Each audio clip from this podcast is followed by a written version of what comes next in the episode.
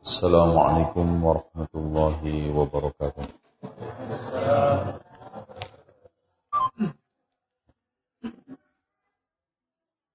إن الحمد لله نحمده ونستعينه ونستغفره ونستهديه. ونعوذ بالله من شرور أنفسنا وسيئات أعمالنا. من يهده الله فلا مضل له ومن يضلل فلا هادي له.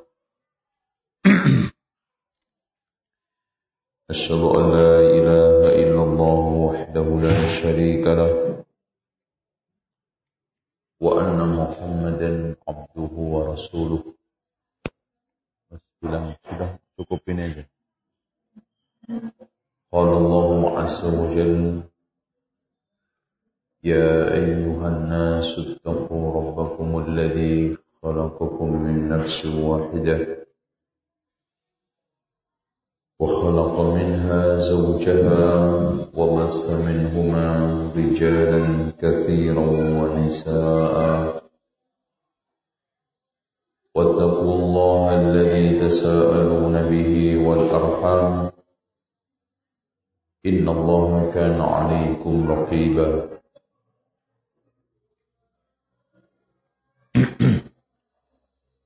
وقال عز وجل يا أيها الذين آمنوا اتقوا الله حق تقاته. ولا تموتن إلا وأنتم مسلمون. وقال عز وجل يا أيها الذين آمنوا اتقوا الله وقولوا قولا سديدا. يصلح لكم أعمالكم ويغفر لكم ذنوبكم ومن يطع الله ورسوله فقد فاز فوزا عظيما. فإن خير الحديث كتاب الله وخير الهدي هدي محمد صلى الله عليه وسلم. وشر الأمور محدثاتها وكل محدثة بدعة وكل بدعة ضلالة وكل ضلالة في النار Hadirin sekalian, Bapak Ibu yang dirahmati Allah, para peserta kajian duha sampai zuhur di masjid masjid apa? Jihadu Walidaina. Cukup unik namanya. Begitu juga seluruh pemirsa Surau TV di mana saja antum berada semoga tetap mengikuti kajian tentang wali Allah, wali syaitan.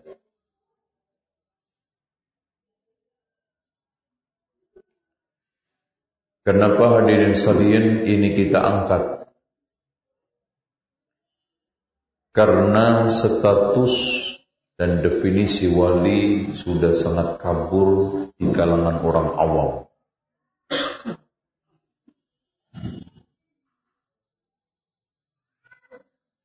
Bahkan kesannya di kalangan orang awam adalah manusia yang menjadi kekasih Allah. Betul. Cuma tambahannya yang enggak benar. Kekasih Allah yang memiliki banyak kesaktian. Berjaya wijaya. Memiliki kekuatan supranatural. Disebut di dalam bahasa Ronggo Warsitonya orang yang memiliki kelebihan yang sangat di luar kemanusiaan.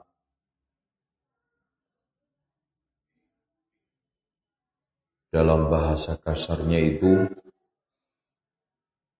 ibarat dibacok nggak mati.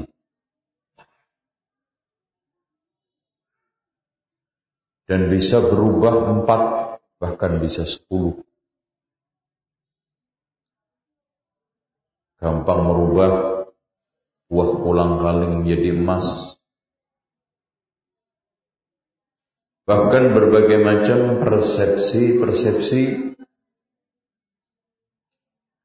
yang semua mengesankan nampak seperti Dewa Siwa atau Wisnu turun kekayangan untuk memerangi Rahwana.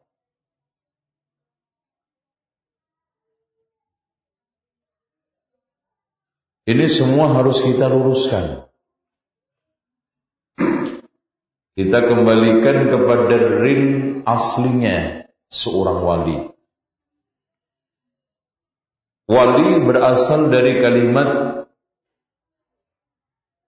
waliya yali wilayatan yang artinya dekat teman pembela, pelindung, penolong. Seperti Allahu waliyu bermakna Allahu waliyul ladzina amanu berarti pelindung. Ala inna awliya Allah berarti orang dekat kekasih Allah. Ini. Dan al-wali al-wilayah itu juga berart, bisa bermakna penanggung jawab. Ya. Seperti yang dikatakan di dalam Al-Qamusul Muhib. Makanya penanggung jawab daerah namanya wali kota. Dulu semua amir-amir, pembantu-pembantu khalifah di daerah-daerah itu namanya wali. Makanya Abu Musa al-Ash'ari waliyul Basrah. Dan di Indonesia karena umat ini sudah lama mengenal Islam. Bahkan Islam sudah menancapkan berbagai macam pengaruh lewat kerajaan Islam. Di sana ada Lamuri, ada Perlak, ada Pasai, ada Darussalam. ada lagi Kerajaan Pagaruyung. Ada lagi juga Kerajaan Banten yang menguasai wilayah timur Sumatera. Kemudian Demak Kemudian gua jelaslah kalimat-kalimat untuk menunjukkan pemimpin diungkapkan dengan wali itu wajar. Ya. Nah, sekarang kita akan membahas wali menurut persepsi orang awam yaitu manusia sakti mondroguno. Ini bahasa Jawanya. Ora tedas paluning pande. Otot kawat balung wesi ketek pasti tapi.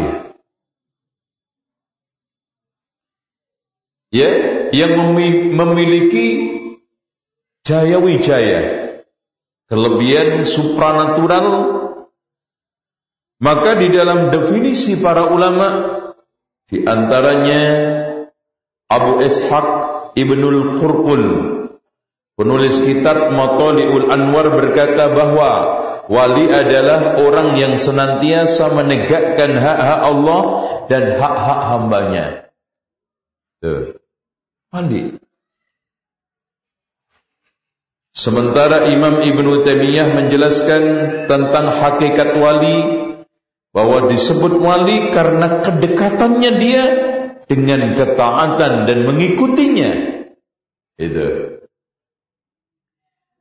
Sehingga Imam Ibnu Hajar menyimpulkan menjabarkan wali adalah orang yang mengerti tentang Allah, terus menerus berbuat ketaatan dan ikhlas dalam beribadah.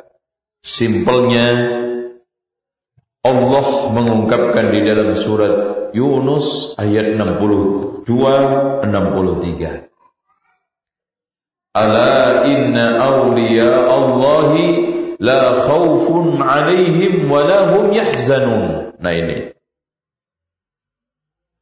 Ala inna awliya Allahi la khawfun alaihim wa la hum yahzanun Yang tidak takut dan juga tidak ada perasaan sedih. Siapa mereka? Alladzina amanu wa kanu yattaqun. Mereka yang beriman dan bertakwa. Ini definisi final. Inilah definisi wali yang dibuat oleh Allah. Siapa yang menentangnya, siapa yang membuat definisi selain itu, berarti dia telah melanggar dan mentang firman Allah. Definisi yang dibuat Allah. Alladzina amanu, mereka yang beriman dan bertakwa. Hadirin sekalian, kalau kita sudah mendapati mereka bertakwa, beriman, berarti di dalam hatinya senantiasa tumbuh, merekah dan penuh dengan kecintaan ma'rifat, harap, cemas, tawakal bergantung hanya kepada Allah. Kemudian yang tidak kalah pentingnya dengan sekalian seorang wali Allah Subhanahu wa taala di dalam kehidupan hari-harinya selalu mengedepankan Allah, perintah Allah. Sangat takut melanggar, melanggar aturannya.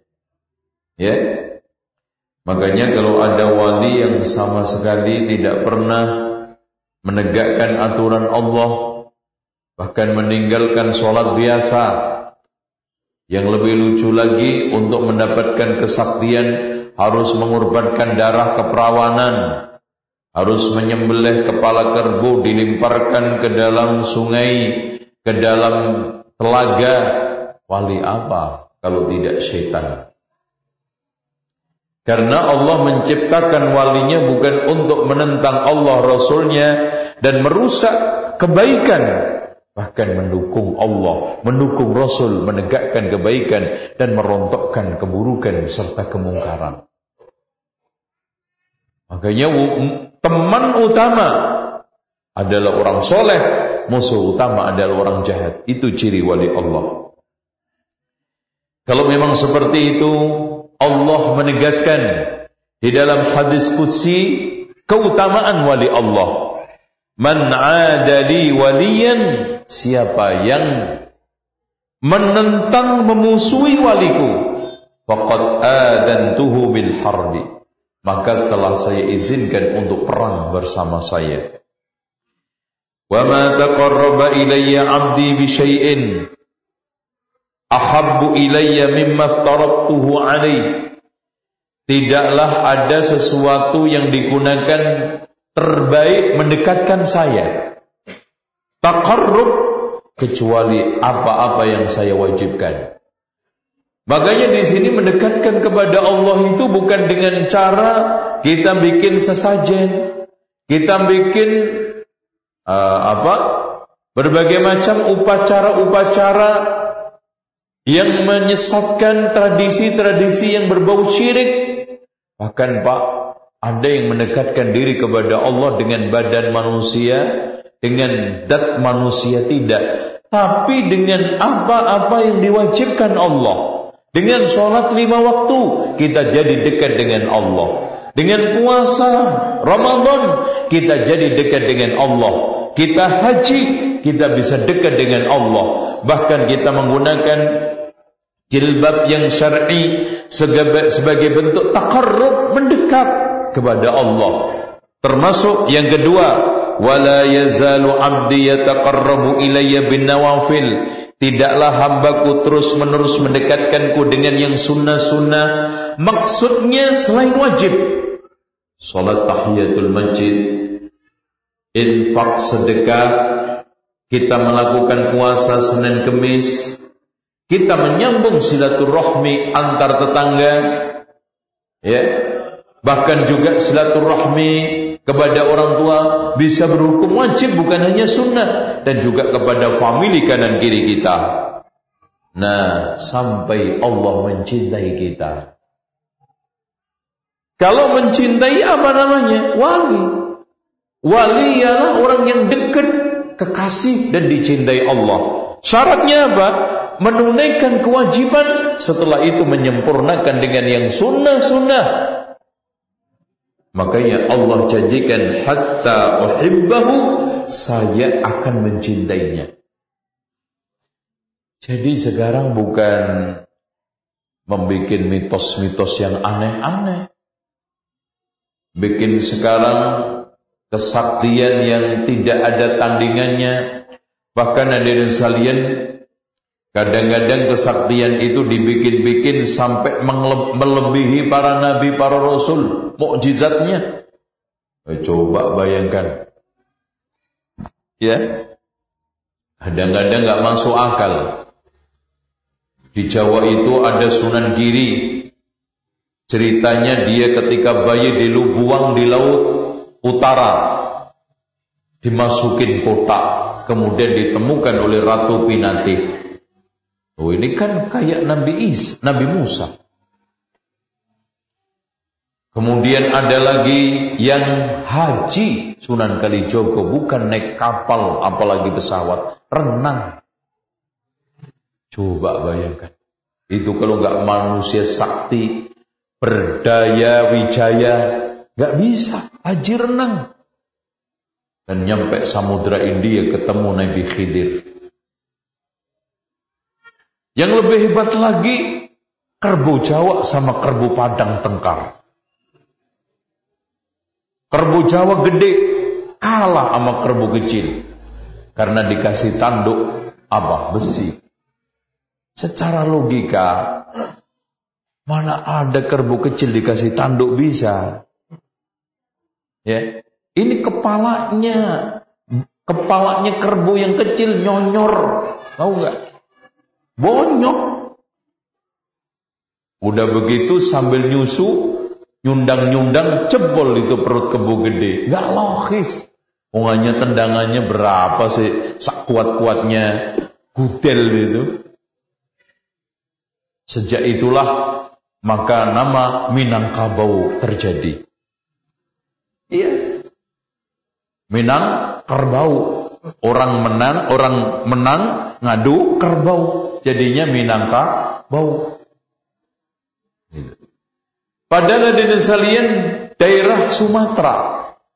Dari mulai Pagaruyung kemudian Minangkabau itu sudah lama ada sebelum adu kerbau. nah ini. Inilah mitos-mitos yang beredar hampir di semua daerah ada saja. Fa'idha ahbabtuhu kuntu sam'ahu alladhi yasma'u bihi. Kalau saya mencintai hambaku, maka aku akan menjadi pendengarannya ketika mendengar. Wa basarahu alladhi yusiru bihi. Saya akan menjadi penglihatannya ketika melihat. Wa yadahu alladhi yabtishu biha. Saya akan menjadi tangannya ketika bekerja. Wa rijlahu alladhi yamshi biha. Dan saya akan menjadi kakinya ketika berjalan. Wala in sa'alani la'u'tiyanna kalau dia minta pasti akan saya beri wala in ista'adani la'u'idannahu kalau minta perlindungan kepadaku saya akan lindungi jadi tandanya wali itu cukup dua aja ya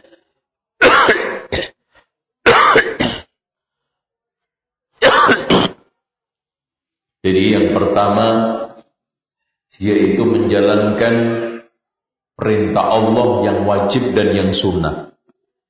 Keduanya, doanya permintaannya dikabulkan oleh Allah. Udah selesai. Itu yang paling utama.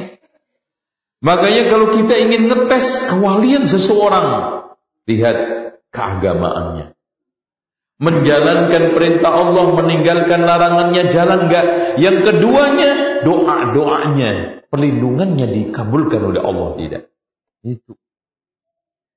Nah di sini orang itu kalau sudah dekat dengan Allah Pak, matanya, mulutnya, tangannya, telinganya akan bersama Allah. Maksudnya, ketika Allah mengatakan saya menjadi pendengaran ketika mendengar, penglihatannya ketika melihat, tangan ketika kerja, kaki ketika berjalan, maksudnya ketika orang itu menegakkan perintah Allah yang wajib dan yang sunnah, kemudian dicintai Allah, maka mata melihat hanya digunakan untuk mencari ridha Allah.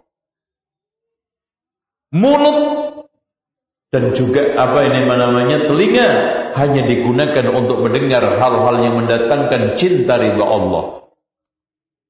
Tangannya hanya digunakan untuk usaha kalau harta cari yang halal, kalau bekerja cari yang baik-baik, bahkan untuk menolong orang, untuk mengangkut barang orang yang tidak kuat dinaikkan ke kendaraan, atau untuk menuntun orang yang buta, bahkan hadirin sekalian hari-harinya tangannya menghasilkan pahala dan ridha Allah. Makanya Rasulullah mengatakan al-muslim man salimal muslimuna min lisanihi wa yadi. Yang namanya muslim, orang muslim lain selamat dari tangan lisannya. Karena penuh dengan nilai kebaikan, menghasilkan kebaikan, menghasilkan pahala dan selalu mengajak kepada surga tangannya itu. Kakinya juga gitu. Digunakan untuk mengejar ridha Allah, mundar-mandir ke masjid salat jamaah. Digunakan untuk berjalan dakwah, keliling kota bahkan keliling daerah. Digunakan untuk tawaf untuk sa'i. Subhanallah. Ini namanya tangan yang bersama Allah. Tangan yang selalu mendatangkan cinta Allah dan ridha Allah. Bukan tangannya wali syaitan. Bukan matanya wali syaitan melihat sesuatu yang diharamkan Allah Telinganya wali syaitan mendengar suatu yang diharamkan oleh Allah. Tangannya wali syaitan digunakan untuk mendatangkan murka Allah. Kakinya pun begitu. Berjalan ke tempat-tempat syirik. Berjalan ke tempat-tempat kufur. Berjalan ke tempat-tempat dosa. Akhirnya mendatangkan murka Allah. Ini maksud hadis itu. Bukan ditafsiri oleh sebagian orang manunggaling kawulo gusti. Wahdatul wujud Allah menyatu. Kalau orang itu sudah kewaliannya meningkat, maka nanti Allah nempel di telinganya, nempel di mulutnya, nempel di matanya. Akhirnya mata dia mata Allah, telinga dia telinga Allah, mulut dia mulut Allah, tangan dia tangan Allah, kaki dia tangan kaki Allah. Maka ketika ditanya, siapa kamu? Allah. Nah, sesat enggak nih? Cuma kalau ditanya, nah ketika makan itu siapa itu? Ya, party. Nah, ketika ditanya di masjid Allah, di ini Allah. Nah, yang makan sekarang siapa? Ya manusia. Oh, terus Allahnya ngilang. Makanya dari salian sebetulnya manunggaling kawulo gusti ini adalah hasil adopsi ajaran lain seperti Nasrani meyakini Allah manunggal kepada Nabi Isa sehingga Isa menjadi Tuhan. Begitu juga Brahma, Wisnu, Siwa bisa menjelma pada dewa-dewa bawahnya. Dewa siapa Pak? Dewa bawahnya siapa? Wah, ini nggak pernah nonton wayang ya. Dewa Rama. Dewa Ramalah yang nanti ditunjuk menjadi manusia setengah dewa. Karena dewa-dewa ini tempatnya tidak akan bisa dijangkau oleh siapa pun, maka untuk bisa kerja di muka bumi alam semesta harus menunjuk manusia setengah dewa yaitu Rama. Kemudian nikah sama Sita. Akhirnya perang dengan raksasa-raksasa yang sangat-sangat Masya Allah sakti Mondroguno yang dipimpin oleh Rawana Akhirnya apa? Dibantu oleh ketek Hanoman. Maka pertempuran menang terus. Apalagi pasukan Sugriwo yang begitu hebat, yang di situ ada panglima besarnya ketek Hanoman, maka menanglah Sinta, kemudian kembali laporan kekayangan. Nah ini, ini manunggal, netis, Makanya para orang-orang Jawa Hindu itu meyakini bahwa uh, air langga adalah titisan Dewa Wisnu. Karena yang pertama kali mengangkat Dewa Wisnu menjadi Tuhan di atas sewa, siwa itu adalah air langga. Sebetulnya yang dinyatakan sah untuk menjadi Tuhan adalah siwa. Namun di antara orang-orang Hindu ini terjadi ikhtilaf. ya ikhtilaf apakah Brahma yang menjadi Tuhan, Wisnu atau Siwa. Itu. Ini ada khilafiyah. Ya, di antara mereka. Sehingga memunculkan kitab juga perjanjian lama, perjanjian baru. Perjanjian lamanya namanya kitab Ramayana yang memuat eh, Mahabharata yang memuat 200 ribu bait syair. Kemudian setelah itu direvisi, disimpulkan dan diedit kemudian menjadi 48 ribu bait syair sehingga menjadi lakon wayang. Maka cerita muncul ini Mahabharata sama Ramayana. Ini kesono, Pak. Jadi persepsi wali itu adalah kulitnya saja yang Islam, tapi isinya adalah Buddha Hindu. Itu. Dengan demikian, hadirin sekalian yang dirahmati Allah, Al-Hafidh Imam Ibnu Hajar berkata, siapa yang menegakkan kewajiban dan mendekatkan diri kepada Allah dengan perkara yang nafilah, setelah menunaikan kewajiban otomatis, maka doanya tidak ditolak karena adanya janji Allah yang dikuatkan dengan sumpah. Allah bersumpah loh Pak. La la'u'tiyanna. Saya pasti akan beri. Makanya Pak sebetulnya kalau kita itu ingin tahu mengukur kedekatan kita dengan Allah. Antum perhatikan doa-doa antum. Gak usah sombong dulu dengan tahajud kita. Gak usah sombong dengan sedekah infak kita. Gak usah sombong dengan sekarang ilmu yang kita kuasai.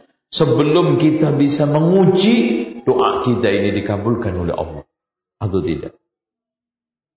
Ya, sekarang aja kita, saya sendiri, kita semua kalau lagi kepepet, umpamanya antum terjepit di lift, coba antum tawasul. Bisa nggak kira-kira tawasul? Ya Allah, dengan sholat saya, Ya Allah, bukakanlah lip. Ternyata dicek-cek, ya sholat saya aja nggak pernah khusyuk. Ah, ganti deh sodako. Ya, kalau ke masjid pun paling banter masuk, kalau nggak pedang pati murah paling gede imam bonjol.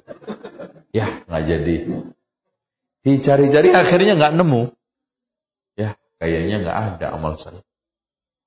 Orang-orang yang soleh kejepit di dalam gua itu pak, amal yang diadukan Allah kepada Allah itu nggak banyak ya, cuman satu satu satu.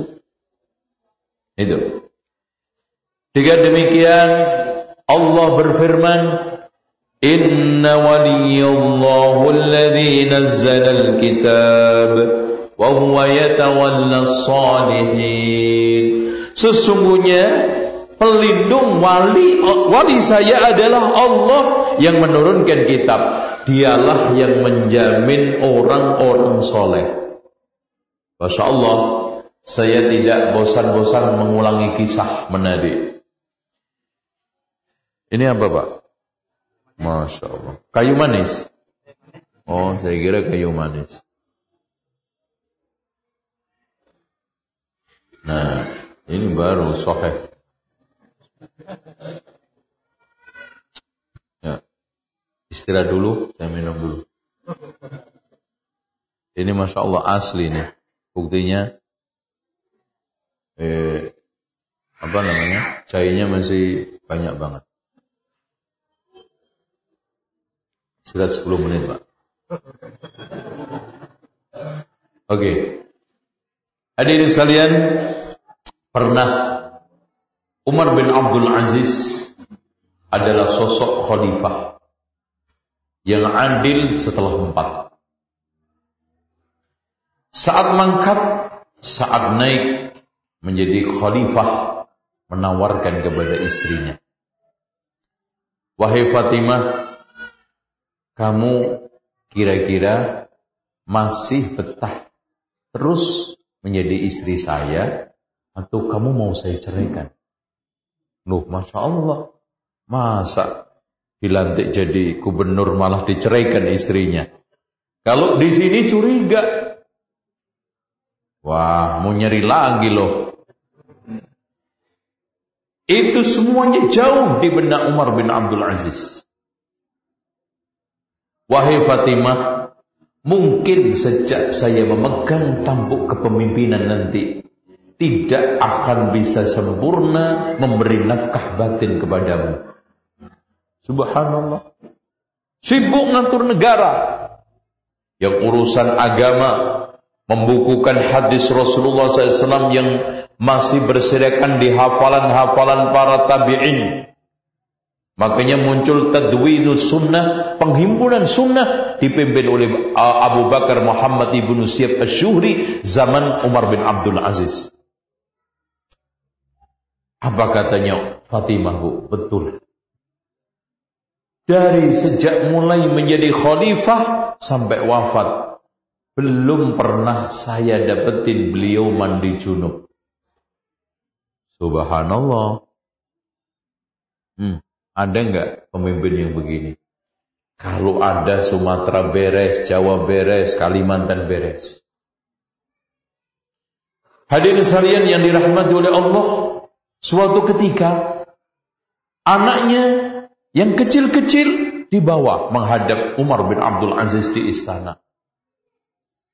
Karena mereka tidak punya apa-apa, serba kekurangan. Mungkin suatu ketika Umar bin Abdul Aziz wafat agar ada suatu pegangan. Apa kata beliau?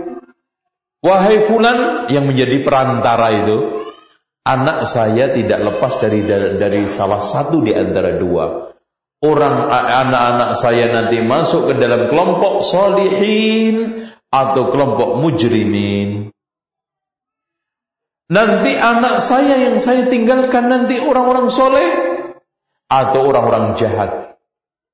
Kalau seandainya dia nanti mereka-mereka nanti menjadi orang soleh, saya tidak perlu untuk mengambil harta negara untuk mereka.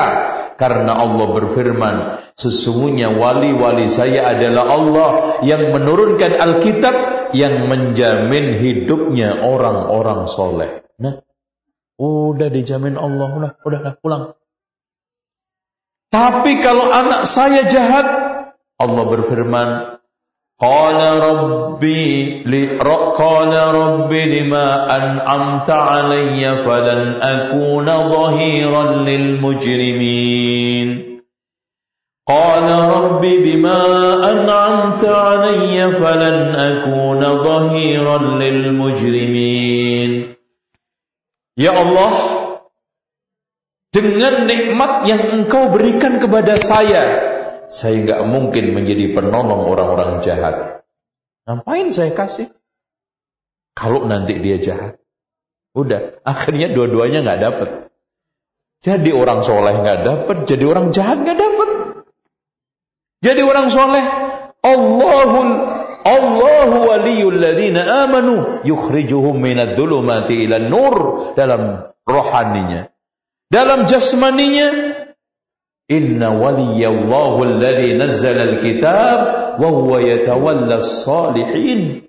Kalau orang mujrim, qala rabbi bima an'amta alayya falan akuna saya tidak akan menjadi pembela, penolong orang-orang yang mujrim jahat. Hmm, selesai. Makanya kalau gitu wali Allah itu nggak pernah takut, nggak pernah sedih. Takut apa aja?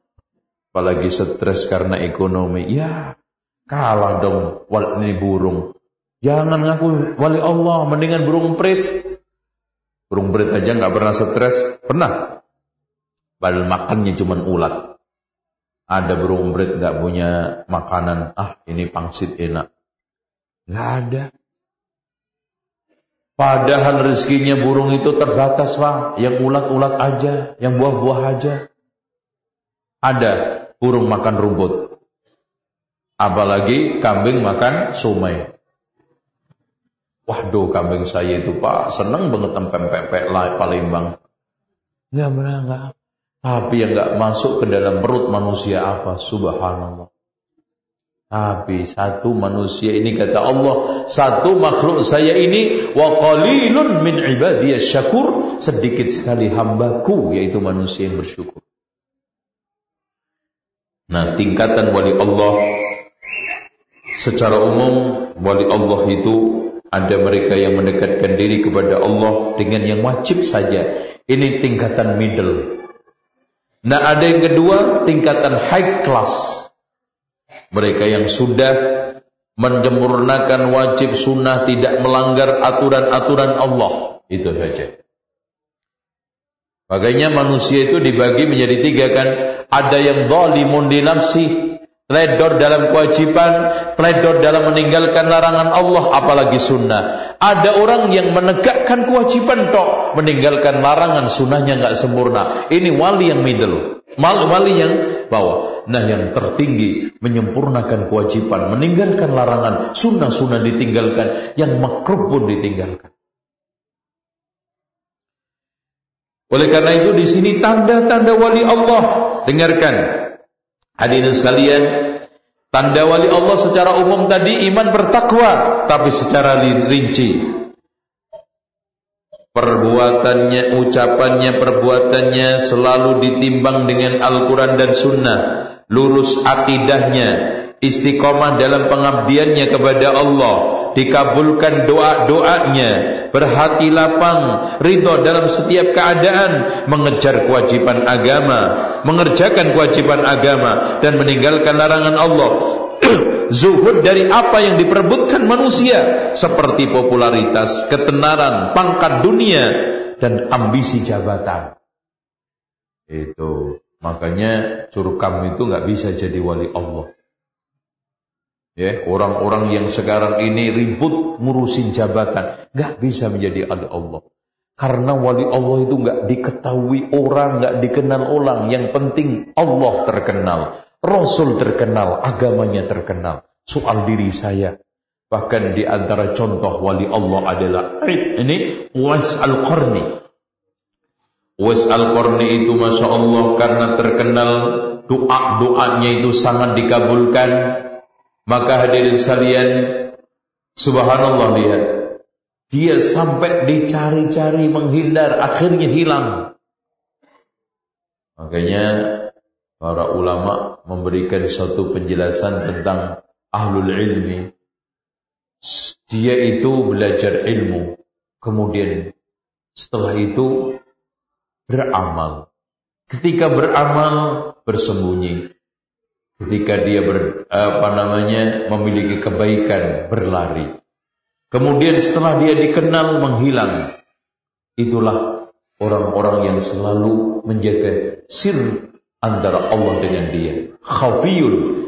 Inna Allah yuhibbu al-mu'minu taqil hafi. Maksudnya apa? Senang menyembunyikan kebaikan, bukan pamer. Hadirin sekalian, tidak ujub dengan amalnya. Bahkan hadirin sekalian, tanda-tanda berikutnya ini lihat. Seorang wali bukan pengagum dunia, tidak hidup menjadi budak harta, tidak berlomba-lomba untuk mengejar materi dan kenikmatan sesaat.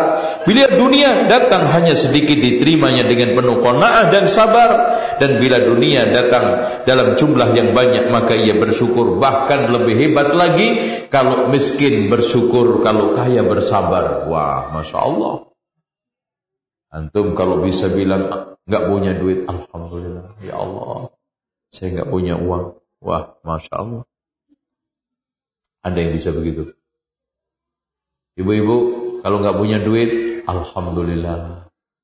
Ya, Habis ngaji ini dilatih di rumah. Tidak dikasih belanja suaminya sebulan. Alhamdulillah. So, Masya Allah. Wali Allah. Dan wali itu tidak kesannya laki aja. Laki perempuan bisa menjadi wali Allah. Ya, laki perempuan. Allahu Akbar. Dan selanjutnya, bahkan dia lebih percaya apa yang di tangan Allah daripada ada yang di tangannya. Pujian, cacian, miskin, kaya, terkenal, tidak terkenal, baginya sama saja. Allah, ini inilah hadirin sekalian. Yang diberikan Allah kepada semakin tambah ilmu, semakin tambah tawaduk kepada Allah. Ini kita lanjutkan. Tidak ujub dan kagum terhadap kewalian dan kelebihannya yang diberikan Allah kepadanya. Semakin tambah ilmu, semakin tambah tawaduk kepada Allah. Semakin tambah amal baiknya, semakin takut kepada Allah, tambah takut. Semakin tambah hartanya, semakin dekat dengan orang-orang miskin dan lemah. Semakin tambah umurnya, semakin tambah banyak amal solehnya. Dan semakin tambah tinggi jabatannya, semakin dengan dekat dengan rakyat jelata. Masya Allah Pak. Lihat aja Umar bin Abdul Umar, bin Khattab itu setiap malam ngecek rakyatnya. Subhanallah. Dilihat tafakud. Ya, belusukan. Ya, itu adalah sunnah para rasul para nabi. Sunnah para khulafaur rasidin. Ya, jarang yang dilakukan oleh pemimpin muslim sekarang apa? Sunnah belusukan. Sunnah. Jangan dianggapnya itu milik orang-orang tertentu saja. Ini sunnah Rasul. Gak ada para khulafa-khulafa yang adil. Abu Bakar belusukan, Umar belusukan, Utsman belusukan, Ali bin Abi Thalib. Gak ada nggak tahu pojokannya umat. Itu pemimpin yang baik. Tuh. Tapi habis belusukan ada jawabannya. Itu contoh aja ketika Umar bin Khattab mendapatin orang bisik-bisik menjelang subuh, mempersiapkan jualan susunya, kata ibunya menyarankan kepada putrinya yang apa tercinta. Ini seorang janda. Wahai anakku, kebutuhan kita hari ini banyak. Tolong dong, susunya hari ini kita campur air agak sedikit banyak supaya kita dapat untung banyak. Ibunda nggak boleh, ya Gak boleh. Gak dilihat Umar aja kok. Kamu repotnya apa? Udah campur aja. Wahai ibunda, Umar mungkin gak melihat. Tapi Tuhannya Umar melihat. Akhirnya baru ibunya diam. Tapi Umar juga keliling denger. Langsung beberapa hari datang ke rumah seorang janda yang miskin. Putrinya itu dilamar untuk anaknya yang akhirnya cucunya Umar bin Abdul Aziz itu. Ini asbabul wurudnya. Menghasilkan cucu yang hebat siapa? Umar bin Abdul Aziz. Dan rata-rata orang hebat itu rata-rata bapak ibunya hati-hati ngasih makan anaknya. Ya, lihat aja ceritanya Imam Al-Haramain. Sampai ketika disusuin sama tetangganya ketika bayi, dimuntahin. Takut yang menyusui itu tidak jelas makan halal haramnya. Subhanallah. Bapaknya Nabi Imam Bukhari. Bagaimana memberikan makanan hati-hatinya dari mulai kecil sampai gede. Jadilah imam besar, Imam Al-Bukhari. Ini. Jadi dekat. Kalau punya duit, sayang sama orang miskin. Itu wali Allah. Wali Allah pelit. Ya, tak mungkin itu mewali setan, pelit. Kalau tinggi jabatannya nggak pernah kenal orang bawahan, wah repot. Kadang-kadang kenalnya cuma setahun sekali, ya atau kadang lima tahun sekali. Ini formalitas pencitraan. Kita harus citra di hadapan Allah, ya. Ini rusak sekarang tatanan. Nah, dengan demikian nah, syarat untuk menjadi wali Allah ini syaratnya pertama berakal. Orang gila nggak mungkin jadi wali. Tapi anehnya banyak orang-orang yang nggak sehat akalnya dijadikan wali di Jawa. Bahkan ada wali yang di, ada diklaim wali kerjaannya ke diskotik, ke bar, dan tempat-tempat pelacuran. Dan jamaahnya ketika dikomplain, oh mas, antum gak sama sama dia. Beda dia.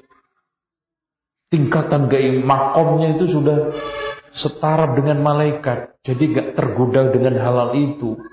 Bahkan itu dalam rangka untuk menguji iman wali itu. Wah hebat. Menguji iman. Eh, di masjid aja lemes. Apalagi di dikotik. Ya. Tuh. Bahkan ada beberapa mereka menganalisa yang jadi orang sampai pada tingkatan spiritual agama itu harus melalui berbagai macam tahapan di antaranya adalah tahapan jadab. Jadab itu gendeng terhormat. Jadi gendeng sementara nanti sembuh, nah setelah itu jadi wali. Karena gendengnya itu sebetulnya nggak gendeng. Dia meninggalkan dirinya untuk menyatu dengan Tuhannya sementara. Nah nanti balik lagi pulang kampung. Nah itu. Makanya ketika balik lagi kadang-kadang di antara mereka nggak kenal lagi murid-muridnya, santri-santrinya. Karena sudah pergi. Itu. Syarat menjadi, loh mati.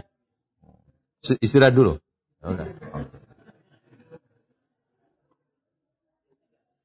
Sampai kapan? Sampai mudah-mudahan sampai duhur. Nah, ditutup. Ada ini enggak?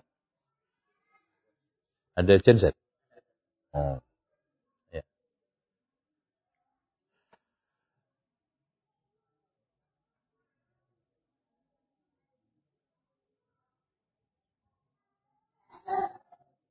Oke, saya teruskan dengan suara uh, asli, suara murni.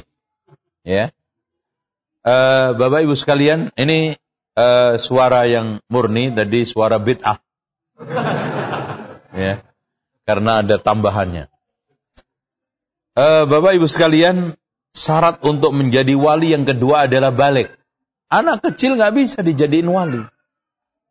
Lah kadang-kadang di tengah mereka itu kadangnya anak kecil, wah ini sudah calon wali.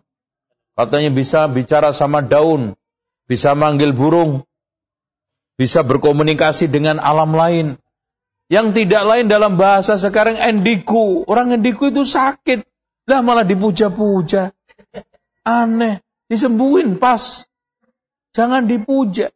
Orang indigo itu kena penyakit. Entah sarapnya itu konslet. Atau kena gangguan jin ketika lahir. Saat di kandungan. Eh, ya, Sembuhkan. Nah sekarang dirawat, ya, dipelihara, ya, masya Allah.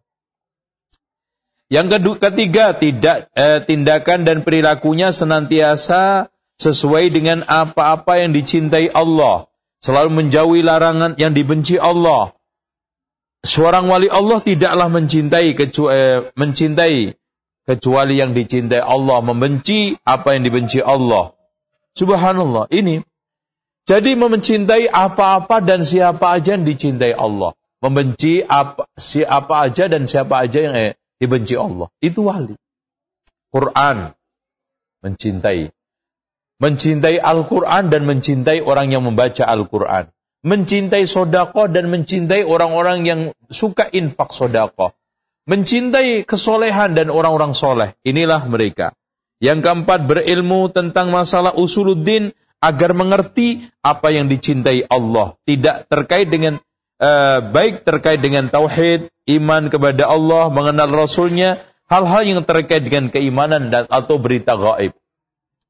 Yang kelima, berilmu tentang cabang-cabang agama yang terkait dengan masalah halal haram. Kenapa, Pak? Bisa saja wali itu nanti digoda oleh syaitan.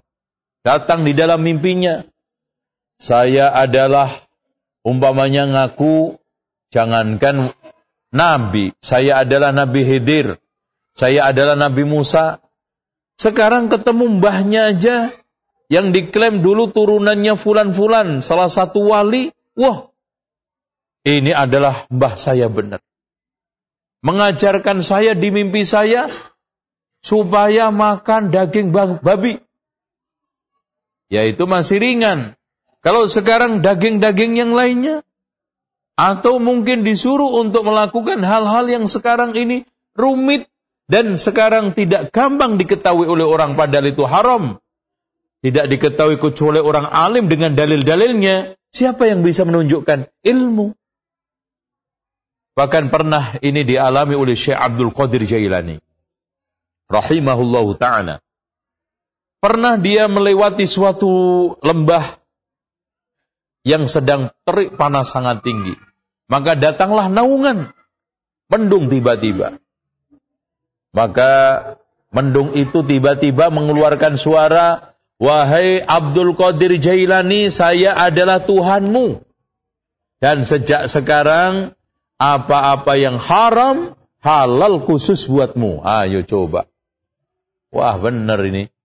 Sekarang saya sudah bisa keluar dari wajarnya manusia. Nah, itu.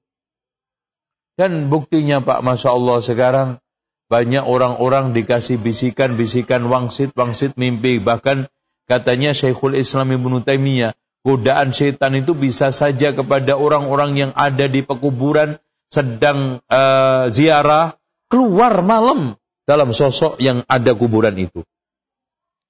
Kemudian memesan suatu pesan. Dan kadang-kadang benar. Ya, nak anakku, nanti pemilihan yang akan datang ini ada huru hara.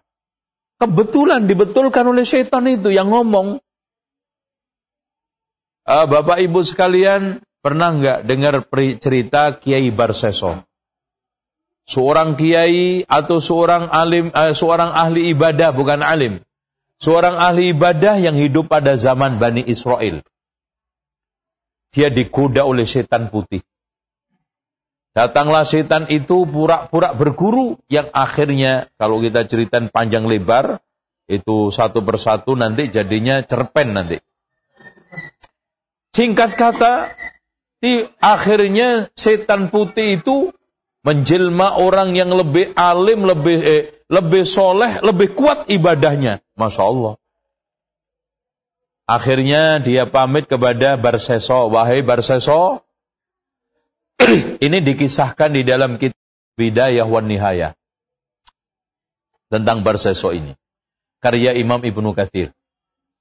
Akhirnya pamit kepada Barseso untuk keluar dari pedepokannya mencari guru yang lebih hebat karena dia rasa Barseso sudah tidak level lagi dan tidak layak lagi bahkan beliau mengatakan si eh, maaf setan ini mengatakan ternyata Barseso kamu tidak seperti yang saya bayangkan sekarang ini saya kira kamu itu hebat ahli ibadah yang kuat, yang tidak pernah mengenal keluh kesah, yang kuat di dalam beribadah berzikir serta sholat-sholatnya. Ternyata ya seperti yang saya ketahui kamu.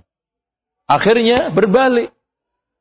Merayu, meminta supaya setan putih ini tidak pindah. Bahkan berbalik Barseso mau berguru kepada dia. Oh nggak bisa Barseso. Ini sudah kaidah dalam ilmu persilatan yang saya buat. Ibaratnya. Kalau sekarang saya menemukan guru yang tidak layak, nggak bisa berbalik. Udah gini aja tapi. Saya cuma pesan. Kamu suatu ketika, dan ini inget aja. Suatu ketika kamu akan dibutuhkan orang kanan kiri kalau sakit. Barangkali nanti ada yang kesurupan, Barangkali ada yang kena sihir, barangkali ada yang kena setan, baca bacaan ini, ini, ini, ini. Eh betul, satu persatu ada orang yang sakit, ya setan itu yang nyurupin. Akhirnya sembuh. Yang sono kesurupan, dirukyah sembuh. Yang sana sakit, kena sihir, dirukyah sembuh. Sampai akhirnya datanglah salah satu perempuan istana, anak istana dan anak raja perempuan kena jin yang tidak lain adalah jin itu. Akhirnya dibawa ke tempat berseso yang sudah dikenal seantero eh, dunia kerajaan bahwa Barseso adalah tukang suwuk, tukang jampi, tukang rukiah. Akhirnya sekali di rukiah, tumbang. Langsung kelepek-kelepek, setannya keluar. Wah, kagum-kagum itu. Rajanya mengucapkan terima kasih adik-adiknya kagum dengan ilmunya Barseso. Eh ternyata tidak selang lama pulang dibawa pulang kumat lagi. Dibawa lagi ke situ, sembuh, balik lagi pulang, kumat lagi. Akhirnya berkali-kali Barseso punya usul. Ini aja mas, daripada bolak-balik bolak-balik begini, setannya ini kayaknya di rumah kamu kuat banget ini. Ini aja. Sekarang biarin tinggal di tempat saya sampai sembuh, sampai waras bergas, baru nanti dibawa pulang. Ah, tahapan rekayasa setan yang ketiganya sudah mulai kena. Rekayasa yang pertama menjel, menjelma menjadi orang soleh ngalahin Barseso kena. Rekayasa dikasih doa-doa, kemudian kesurupan, padahal dia sendiri juga yang nyurup. Ini maling teriak maling. Itu biasanya watak daripada pengikut setan ini. Semua mereka yang melakukan kejahatan, tapi bilangnya katanya orang lain, si fulan si fulan. Walhasil hadirin sekalian, tahapan berikutnya keempat. Masya Allah. Ini tahapan yang paling menyeramkan. Ini tahapan yang paling mengerikan. Apa? Saat Barseso sedang sholat, setan nyurup. Dalam kondisi kesurupan, terbukalah aurat. Bahkan suatu, satu aurat yang paling sensitif. Akhirnya, setan membisiki, ayo Barseso, garap nggak ada orang kok. Tenang aja. Hatinya sudah mulai bergolak. Sudah mulai terkena godaan. Iya enggak, iya enggak, iya enggak. Walhasil, Barseso jangan takut-takut. Nanti kalau kamu dosa kan gampang tobat. Apalagi kia itu paling tahu dan paling paham caranya tobat. Tenang aja. Waduh, setannya membisikin. Gampang. Dosa 10 tahun itu bisa dihapus satu hari kok. Kamu takut-takut banget. Ayo. Kesempatan belum tentu berulang. Barseso. Akhirnya kena. Masya Allah setan itu. Wala tattabi'u khutuwati syaitan. Jangan kamu ikutin tapak-tapak. Karena menggodanya setapak demi setapak. Wala tattabi'u khutuwati syaitan Jangan mengikuti tapak-tapak. Karena godanya pelan-pelan. Itu. Gak mungkin sekarang ada orang yang digoda langsung. Dikasih khomer, Pak Yai minum. Gak mungkin. Ya mungkin gelasnya dipermak, jus sehat gitu kan gitu. Terus kemudian minuman ini minuman berkhasiat macam-macam. Akhirnya apa? Minum khomer. Ya orang supaya pakai jimat kan kalungnya dialasin macam-macam katanya. Kalung berhasiat, kalung ada magnetisnya, kalung mengandung kesehatan, bisa memberikan energi-energi macam-macam macam. Akhirnya apa? Banyak laki-laki kalungan. Oh, itu kan wala tattabi khutuwat. Pelan-pelan. Akhirnya si perempuan tersebut hamil. Subhanallah. Dan nggak sembuh-sembuh ditahan. Ini belum waktunya. Diminta untuk balik, belum waktunya. Nanti insya Allah, kalau sudah tuntas, bergas, waras, sehat, silahkan. Dia di dalam hatinya berperang, bergula. Wah, kalau sampai si perempuan yang hamil ini ketahuan sama tuan raja, pasti saya akan dihukum pancung. Bagaimana nasib pedepokan saya? Bagaimana nasib karir saya sebagai seorang ahli spiritual? Bisikan setan muncul. Tenang Barseso. Bunuh. Matikan kubur. Cerita aja sama keluarganya. Dia dibawa kabur sama Ibrit. Selesai. Kamu kan dipercaya orang. Siapa pun yang ngomong gak bakal mendustakan kamu. Iya juga ya. Iya juga ya. Ah, udah mulai tahapan berikutnya dibunuhlah jeger. Subhanallah. kejahatan akan melahirkan kejahatan. Kemaksiatan akan bertelur kemaksiatan bahkan lebih besar. Lebih besar. Walhasil adin sekalian dikubur di suatu tempat malam-malam karena grogi panik. Ternyata tidak terlalu dalam, cetek. Dan sampai kelihatan beberapa pakaiannya masih nongol ke atas. Setan sudah berhasil, tuntas kerjanya, proyeknya selesai. Tinggal proyek untuk apa? Pembumi hangusan. Dia menjelma di dalam mimpi saudaranya. Ah, setan bisa nggak masuk mimpi? Nah, pertama kali yang mimpi saudaranya kecil. Mimpi ada semacam orang yang datang menceritakan bahwa adiknya, adik kamu itu sebetulnya nggak dibawa kabur sama jin. Yang benar adalah dihamili Barseso kemudian dibunuh. Kaget dia. Eh? Akhirnya mimpi tersebut diceritakan kepada kakak-kakaknya. Dengan mudah kakak-kakaknya menepis, ah itu mencerita orang ngigau. Udah, nggak usah dikembangkan, nggak usah dipercaya. Aneh-aneh aja. Karena apa? Karena di dalam pandangan benak e, mereka nggak mungkin Perseso yang seorang ahli ibadah Jangankan sekarang melakukan itu, melihat perempuan saja jarang, bahkan hampir tidak pernah. Ini juga dialami oleh seorang ahli ibadah seperti Jurej. Namun eh, dia dipanggil oleh ibunya sholat atau panggilan ibu itu ya dalam hadis Bukhari itu beda lagi. Ini barsaso ini. Nah, akhirnya setan ternyata lebih ulet daripada manusia itu. Lebih istiqomah di dalam menggoda manusia. Coba iblis sejak diciptakan sampai sekarang sampai kiamat gak pernah putus asa. Terus menggoda, mencari pengikut. Tapi kadang-kadang kita ngaji baru dua tahun aja sudah dah. Tahajud dua bulan kenceng, lima bulannya kendor. Itu. Baca Qur'annya seminggu kenceng, lima minggu kendor. Dan setan tidak pernah tidur. Kata Al-Hasanul Basri. Nah, tentang setan itu apakah punya anak? Imam Syafi'i ditanya dengan bahasan, dengan jawaban simpel.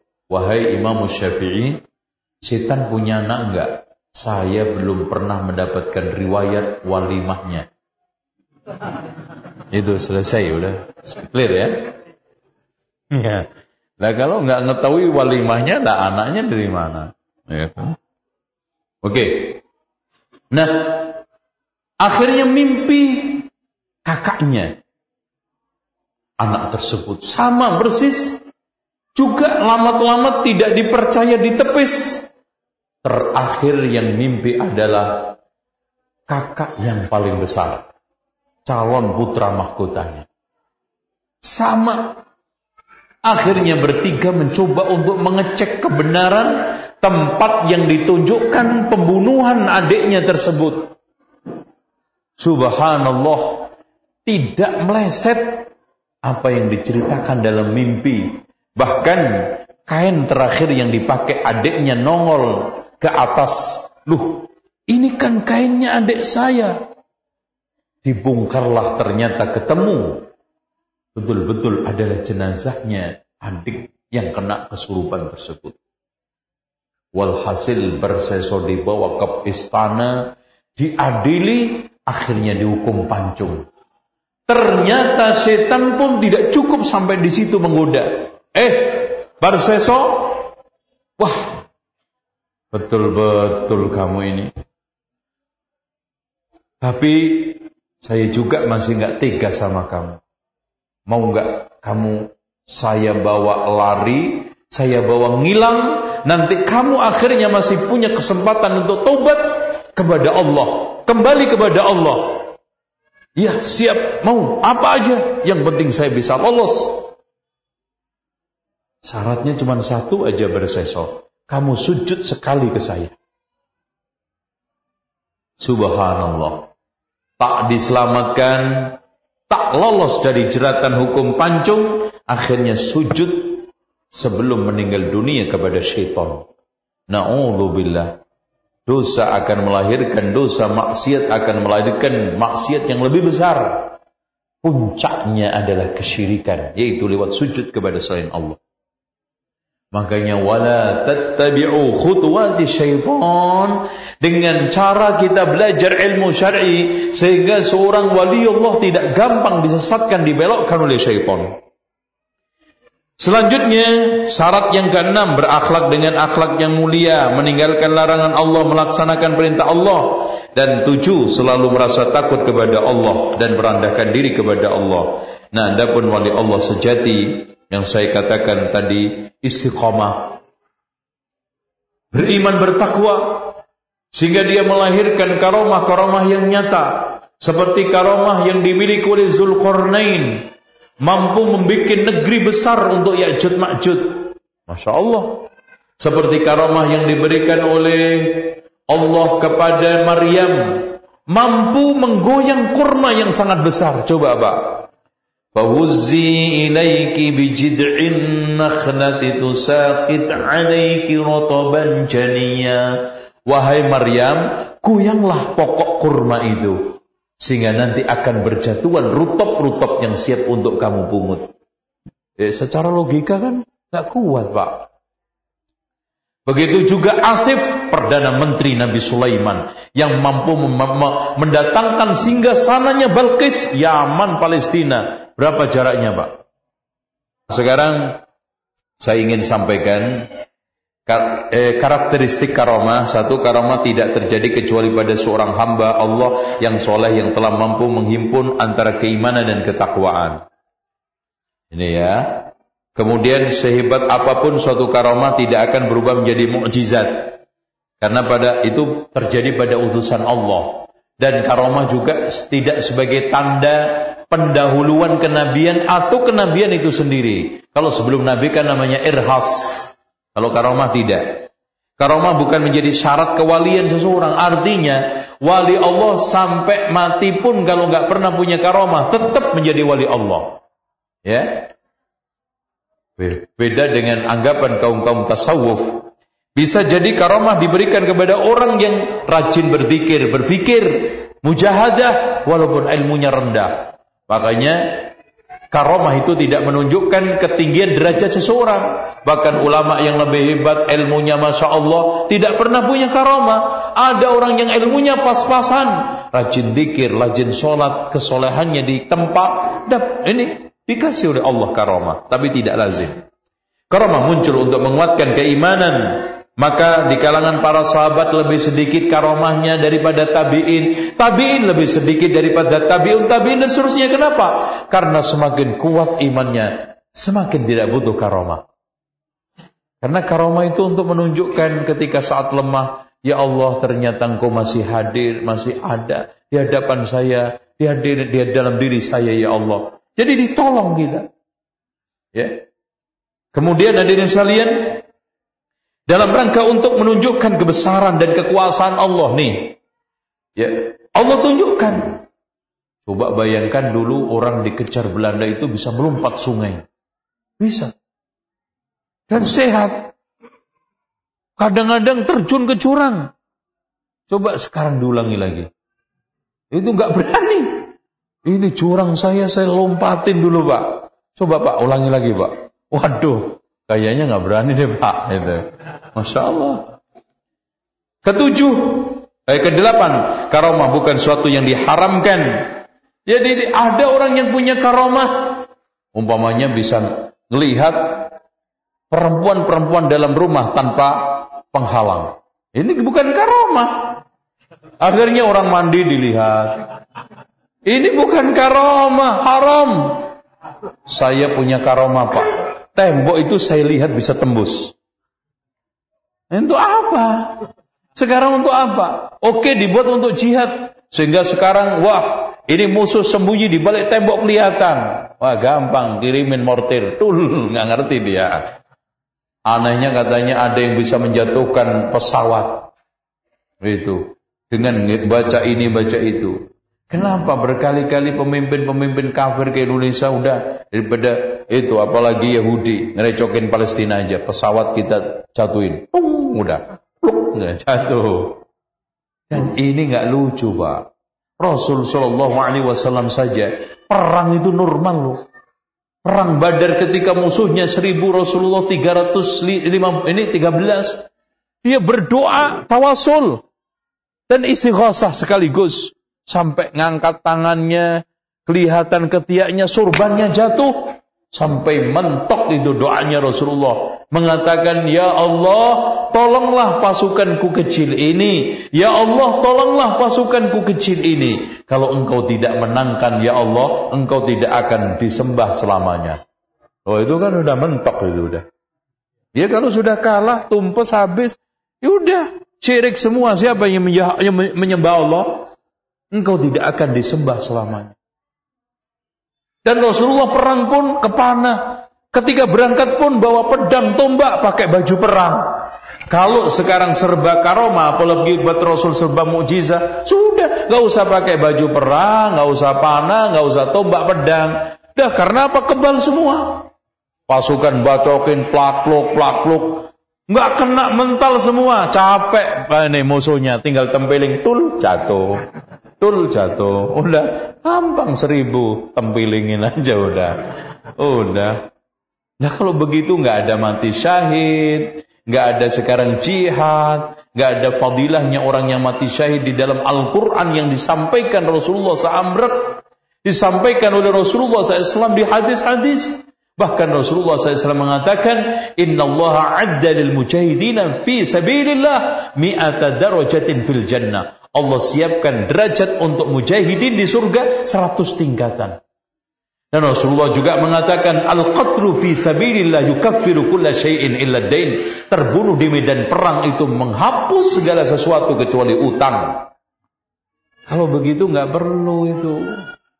Pacok ting ting ting ting ting ting. Waduh, repot juga nih. Tembak tung mental. Itu. Kalau begitu kayak film karton Tom Jerry. Itu dikuemplang masih hidup lagi, dituncep masih hidup lagi, dikebuk-kebukin masih hidup lagi. Pak, Rasulullah itu bukan Tom Jerry, Pak. Bu, sahabat-sahabat Rasul Abu Bakar, Umar, Utsman itu bukan Tom Jerry. Dikeprok pakai lenggis hidup lagi, Pak. Masya Allah. Buntutnya itu nyantol kawat sampai gosong, sampai putus. Masya Allah, otot. Itu Tom Jerry, Pak. Astagfirullah. Ini sejak kapan akhirnya Islam tidak mau menggali teknologi persenjataan? Islam, le coba aja bayangkan di Jawa itu.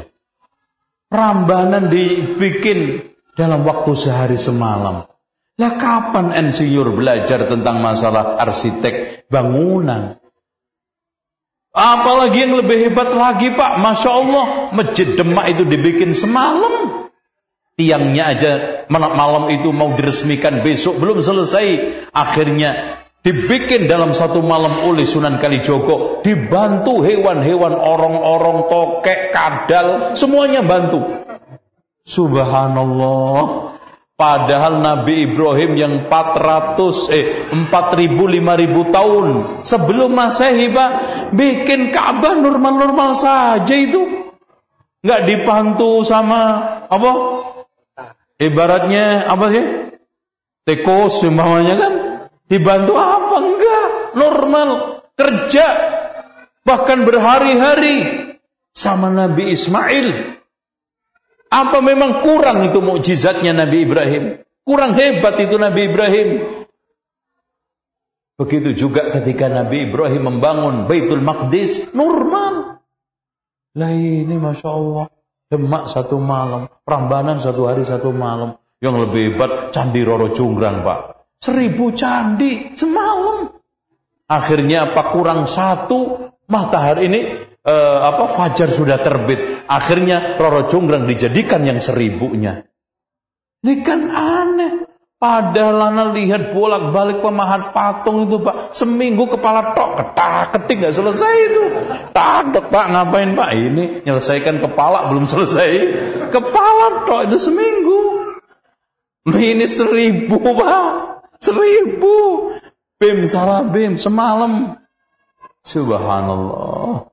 Ini semuanya cerita Mahabharata sama Ramayana. Ya. Yeah. Ini karomah versi-versi mereka. Nah, sekarang saya ingin kenalkan tentang masalah firasat. Ini juga termasuk karomah. Cuman firasat itu ada tiga.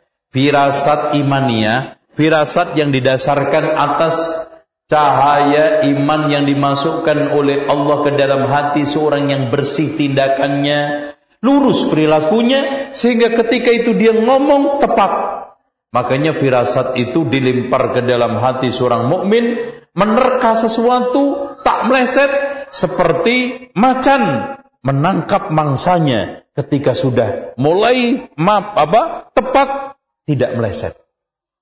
Makanya kadang masya Allah ini begini itu kena dan ulama yang ahli firasat di antaranya adalah Imam Malik. Masya Allah itu firasatnya nggak pernah meleset. Nah, yang kedua, firasat riyadiyah. Apa itu riyadiyah? Firasat yang didapatkan atas keprihatinan, bahkan hidupnya disiksa. Nah, yang terakhir ada firasat kholqiyah. Apa itu firasat kholqiyah?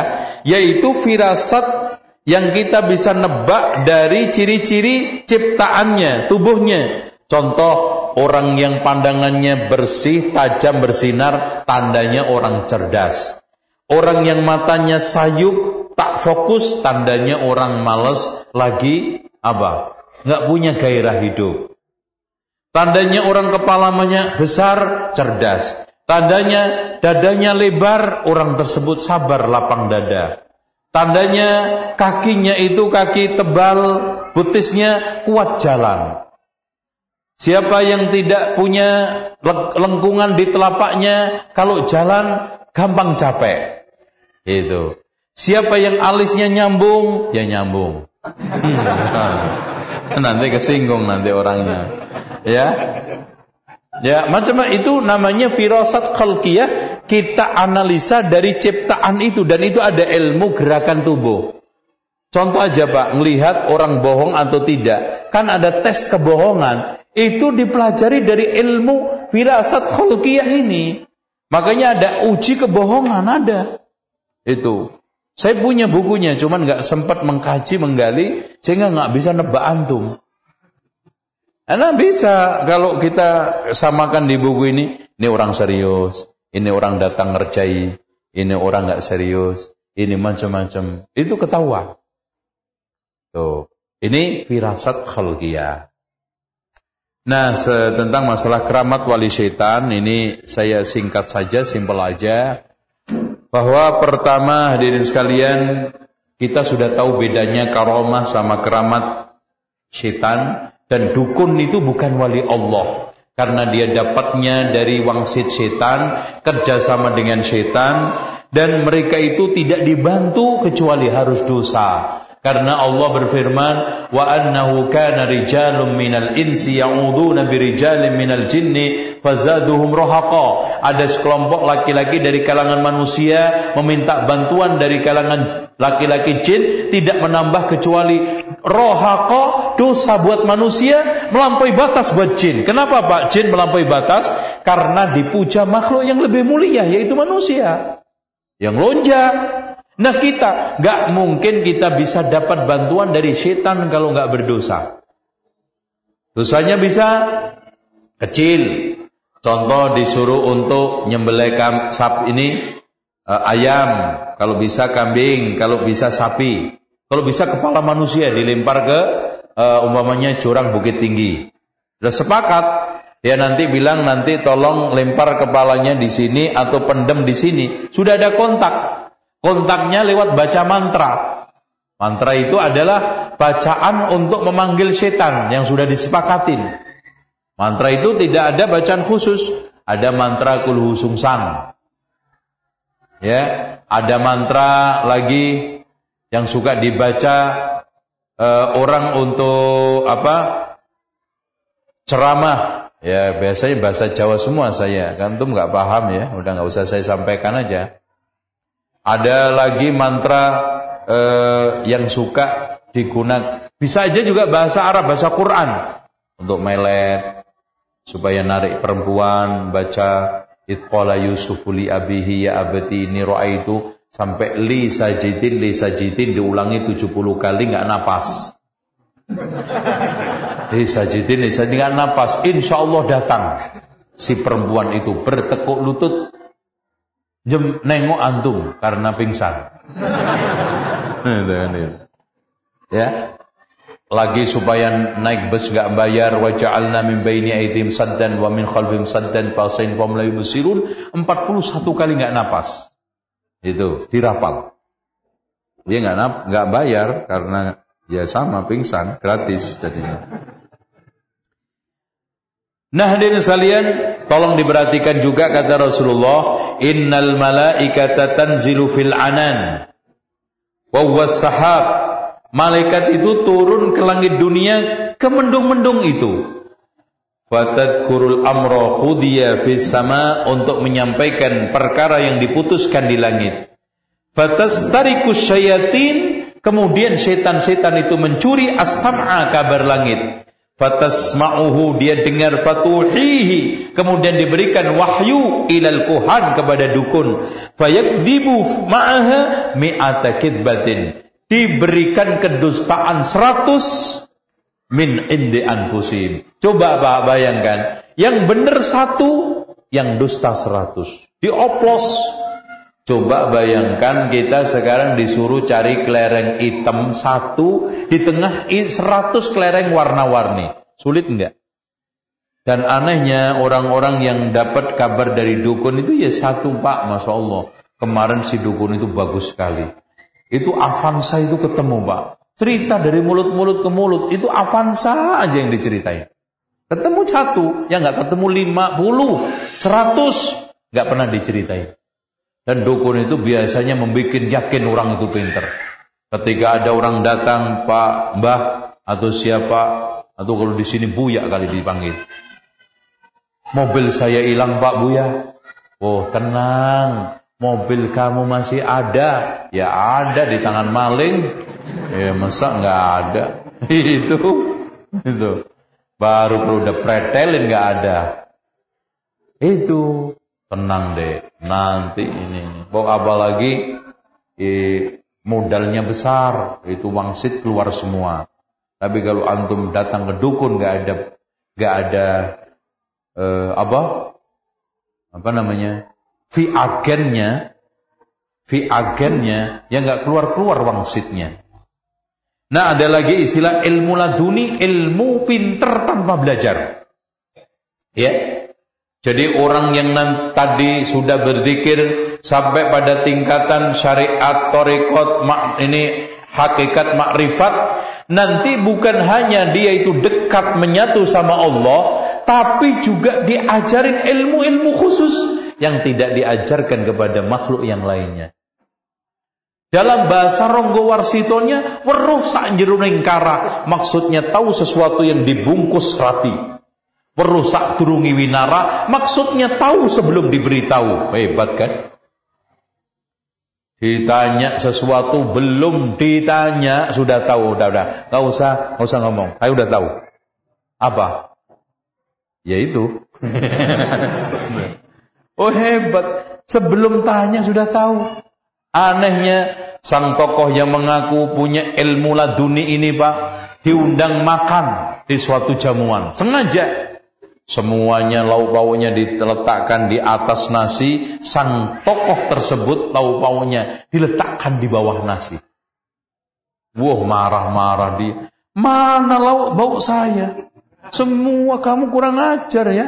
Semua dikasih lauk pauk saya nggak dikasih, kamu meremehkan saya. Awas kualat. Loh, katanya merusak jeruning kara. Lau pau di bawah nasi 5 senti nggak ngerti toh baba. Dan gitu. Inilah fakta. Makanya semua rata-rata bohong, Pak. Mereka yang ngaku katanya sholat di Masjidil Haram, ternyata disangkuti nama jin di pohon bambu. Dihayalkan sampai Mekah. Dihayalkan sudah sampai hadir di Masjidil Haram. Seakan-akan jadi imam. Makanya pulang ngoceh macam-macam. Saya tadi dek, sholat di Masjidil Haram Jumat. Jadi khotib wal imam. Waduh, perasaan seumur-umur itu nggak ada khotib pesek dari Indonesia. Ya semuanya mancung lah Arab kok.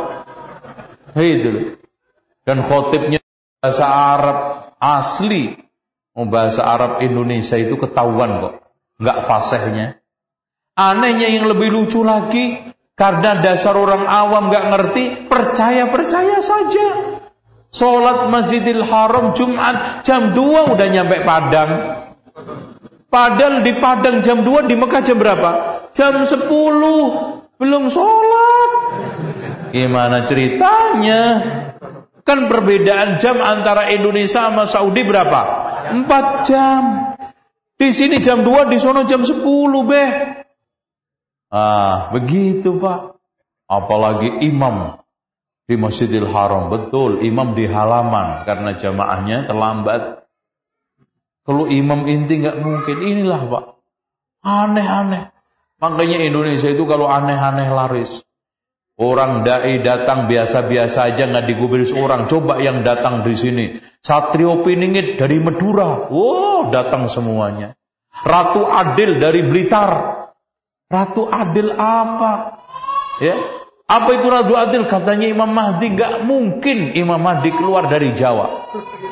Karena Imam Mahdi itu ciri-cirinya kata Rasulullah SAW, ajlal jabhati di jidatnya lebar, aknal anfi hidungnya mancung karena turunan Rasulullah. Makanya ketika sebagian orang mengutarakan tentang sifat-sifatnya Imam Syafi'i, Imam Syafi'i itu turunan Rasulullah kan? Saking mancungnya kalau bicara, pucuk hidung sering tembus sama bibirnya. Oh,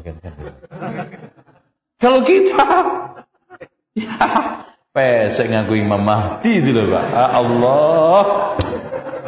Tapi ya itu laku aja. Coba lihat Lia Aminuddin itu kan stres. Masih ada berita yang mengekspos, koran yang memberitakan, katanya mau menurunkan Jibril di Monas. Astagfirullah. Allah, Allah, udah itu. Dari Blitar ada Ratu Adil datang ke Bukit Tinggi, wah membludak. Gak ada Pak Ratu Adil Imam Mahdi yang ada rakyat metu bawa bedil. Nah itu orang keluar bawa tembak. Itu gak ada semua. Oleh karena itu ilmu laduni ini sebetulnya siapa yang pertama mencetuskan? Dicetuskan oleh Hisham ibnu Hakam yang wafat tahun 1199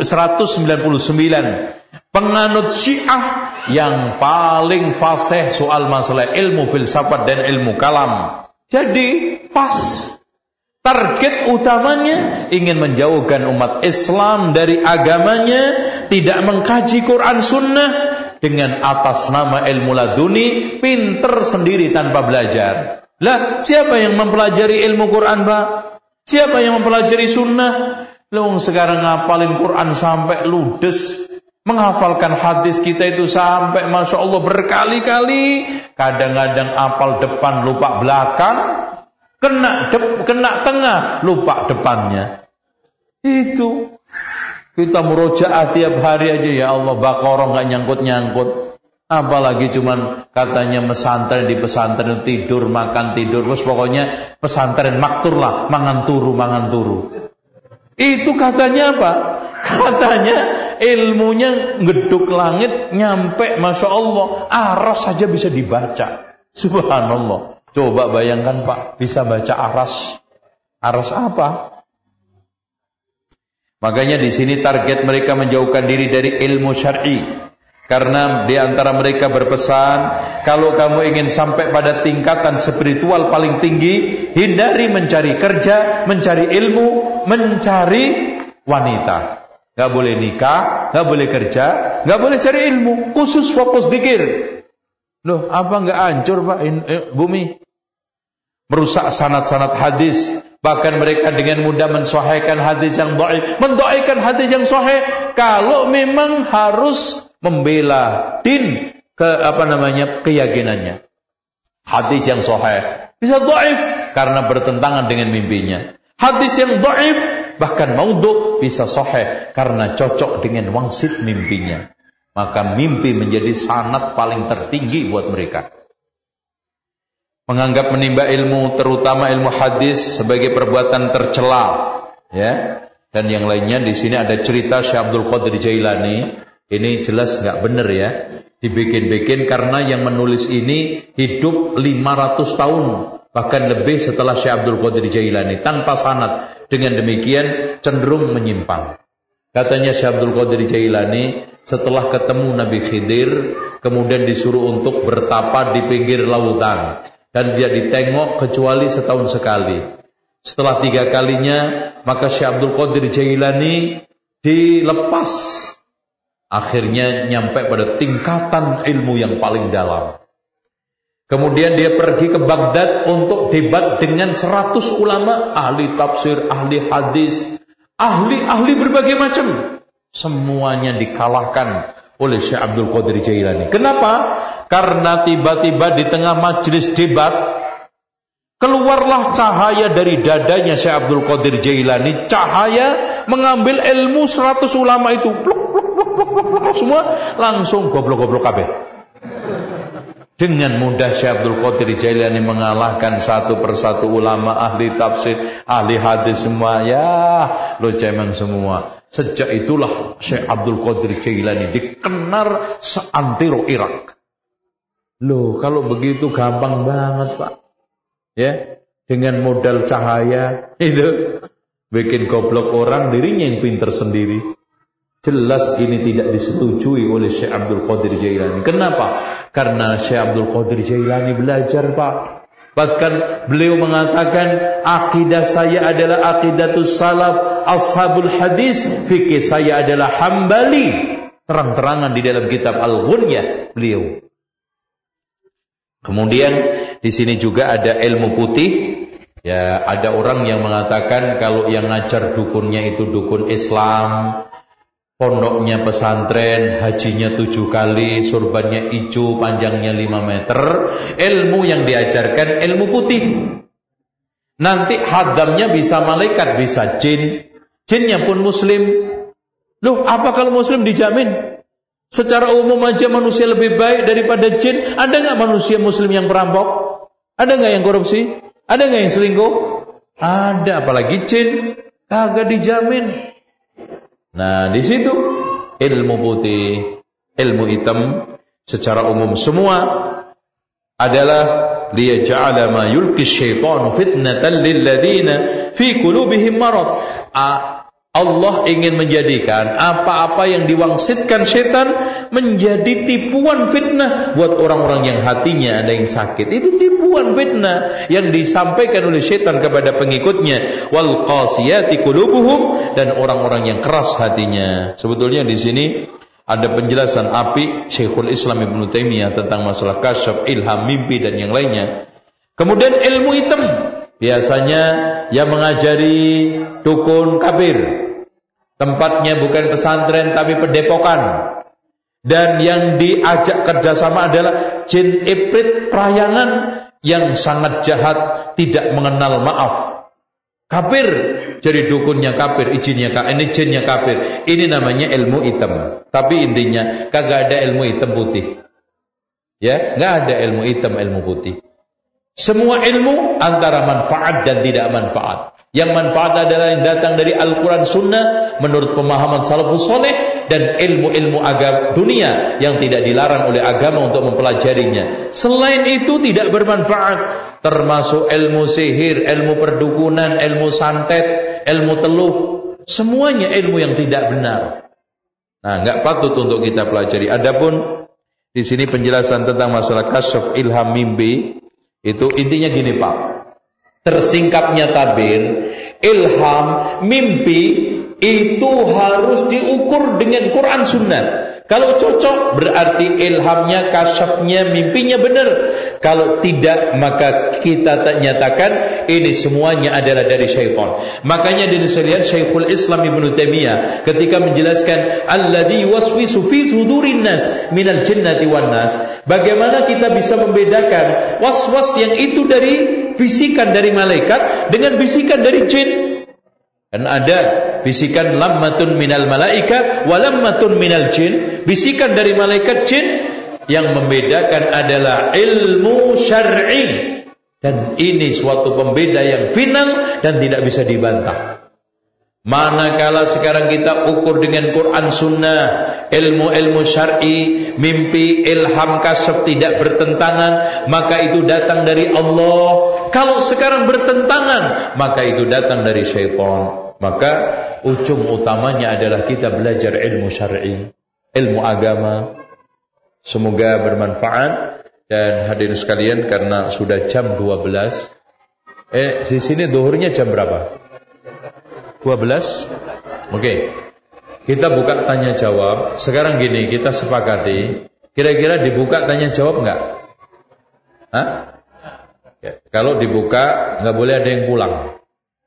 Pulang bareng. Pulang-pulang bareng enggak enggak bareng. Ya, kalau pas saya jawab pertanyaan ada yang pulang, awas ya. Ya. Gue sumpahin. Ya. Jadi kita solidar, setia dan insya Allah kita pulang bareng-bareng. Karena mataharinya sama bu, insya Allah. Bagaimana pandangan dalam Islam mengenai ayat Al-Quran yang dipergunakan sebagai jimat? Ya nggak boleh.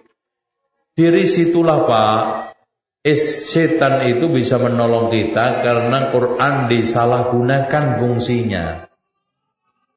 Ada lagi? Silakan.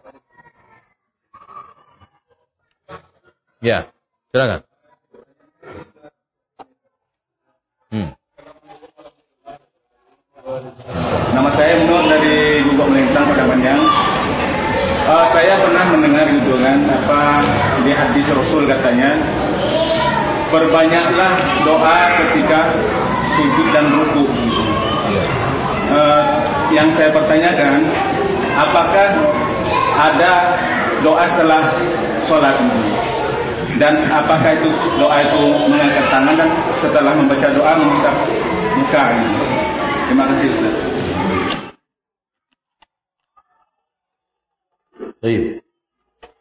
Ini uh, keluar jalur ya dari tol ke jalan biasa.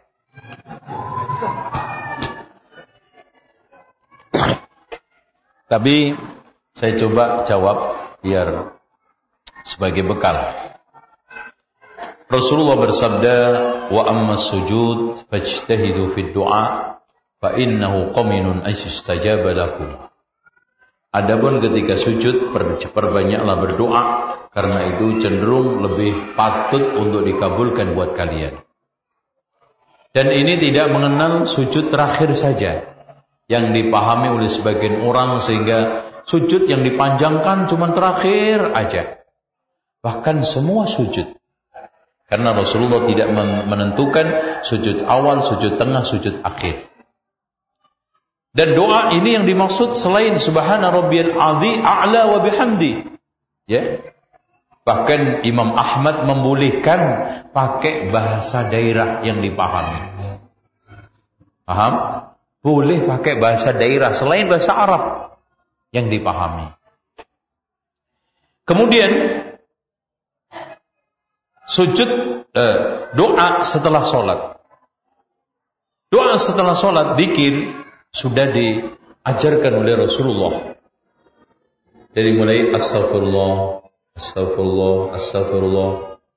Allahumma antas salam wa minkas salam wa ilaika ya'udus salam Tabarukta ya dal jalani wal ikram la ilaha illallah wahdahu la syarika له الملك والحمد وهو على كل شيء قدير. لا اللهم لا مانع لما أعطيت ولا معطي لما منعت ولا ينفع ذا الجد منك الجد. لا إله إلا الله وحده لا شريك له. الملك والحمد وهو على كل شيء قدير. لا حول ولا قوة إلا بالله. لا إله إلا الله ولا نعبد إلا إياه. له النعمة وله الفضل وله الثناء الحسن. لا إله إلا الله مخلصين له الدين. walau karyal kafirun mukhlisina lahuddin ya. Terus kemudian dilanjutkan kalau maghrib sama subuh la ilaha illallah wahdahu la syarikalah lahul mulku wal hamdu ala kulli syai'in qadir 10 kali. Kemudian setelah itu sebagian ulama memasukkan Allahumma inni ala dzikrika wa syukrika wa husni ibadatik. Setelah sholat salam maksudnya ada yang mengatakan sebelum salam dubur itu buntut. Nah buntutnya sebelum salam atau setelah salam ini ikhilaf ya. Tapi kebanyakan mengatakan dubur maksudnya adalah sebelum salam. Terus kemudian membaca Subhanallah 33 kali, Allah uh, alhamdulillah 33 kali, Allahu akbar 33 kali, lengkap La ilaha illallah wahdahu la syarika lah lahul mulku wal hamdu ala kulli syai'in qadir 100. Kemudian kita akhiri baca ayat kursi karena siapa yang membaca itu ditakdirkan terus menjadi ahlul jannah sampai mati. Lalu baca kulhu sekali, kulung sekali, kulung berbalak sekali, kulung berbenas sekali. Lalu diakhiri subuh ketika subuh khusus Allahumma inna nas'aluka ilman nafi'a wa rizqan thayyiba wa amalan mutaqabbala. Cukup.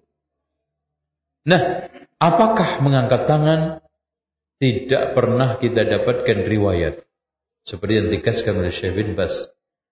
Sahabat Nabi, para sahabat mengangkat tangan ketika saat doa di belakang sholat tersebut. Oleh karena itu, dalam beribadah adalah tauqifi. Kias itu kita bisa terima kalau memang sangat memenuhi syaratnya. Nah, kalau sekarang tidak memenuhi, maka kita kembalikan ke asalnya. Jika demikian, doa mengangkat tangan dibagi menjadi tiga. Ada yang dianjurkan saat Rasulullah memang mengangkat. Seperti ketika Rasulullah istisqa. Ketika Rasulullah istighosah. Ketika Rasulullah kunut menurut pendapat yang kuat rojek. Ada yang tidak mengangkat tangan. Bahkan mengangkatnya dikatakan oleh para ulama termasuk ajaran-ajaran yang baru menyelisih sunnah Rasulullah. Seperti sholat Jumat khutbah cukup begini. Seperti doa ketika sujud, ngangkat tangan nggak? Pak, ketika sujud angkat tangan nggak? Lah gimana caranya? Jelas ini. Atau do, suci, doa sebelum salam, angkat tangan enggak? Karena isyarat ini sudah gantinya. Gitu. Makanya gantinya seorang imam ketika doa begini kan. Seperti tahiyat. Makanya gerak jari itu dianjurkan saat dikir sama doa. Allahumma salli ala. Dekat, dekat. Itu caranya. Yang tidak dianjurkan juga tidak dilarang sesekali boleh. Contoh Rasulullah berdoa antara adzan dan qomat. Kan nggak ada larangan secara tegas, nggak ada perintah secara tegas. Silahkan, kadang-kadang angkat, kadang-kadang tidak. Contoh ketika habis sholat-sholat sunnah. Ketika doa di multazam. Ketika doa di raudhah. Ketika doa di tempat-tempat yang mustajab itu. Tapi secara umum aslinya doa itu mengangkat tangan secara umum. Karena dalilnya Rasulullah SAW menyampaikan rojulun zakara Rasulullah SAW rojulan as'asa aghbara yutilus safar. Yamuddu yadayhi ila sama. Tapi wa mat'amu haram wa mashrabu haram wa malbasu haram fa wa bil haram fa anna yustajab. Rasul menuturkan orang laki-laki yang pakaiannya cumpang-camping, rambutnya awut-awutan, panjang safarnya, mengangkat tangan tinggi-tinggi, ya Rob, ya Rob, tapi makanannya haram, minumannya haram, dan darah dagingnya tumbuh dari yang haram. Bagaimana dikabulkan oleh Allah? Sebetulnya secara adab doa sudah dipenuhi, cuman sayang makanannya haram, akhirnya dikabulkan oleh Allah. As-as akbar, zuhud, pakainya compang-camping, rambutnya awut-awutan. Orang Masya Allah sederhana. Tidak peduli dengan dunia, Masya Allah. Yutilu safar orang panjang jauh perginya dan di antara orang yang mustajab doa siapa Pak? Musafir. Ya muddu yadayhi ya sama mengangkat tangan tinggi-tinggi, adabnya sudah dipenuhi. Habis sayang tadi. Nah, ini adab doa, ya Pak ya? Seperti itu. Hmm. Ya. Uh, seperti kebanyakan umat Islam yang saya temui setelah berdoa mengusapkan tangan ke muka Ustaz. Apakah itu ada contohnya? Dikatakan oleh Imam An-Nawawi bid'ah, Imam An-Nawawi Asy-Syafi'i, ya.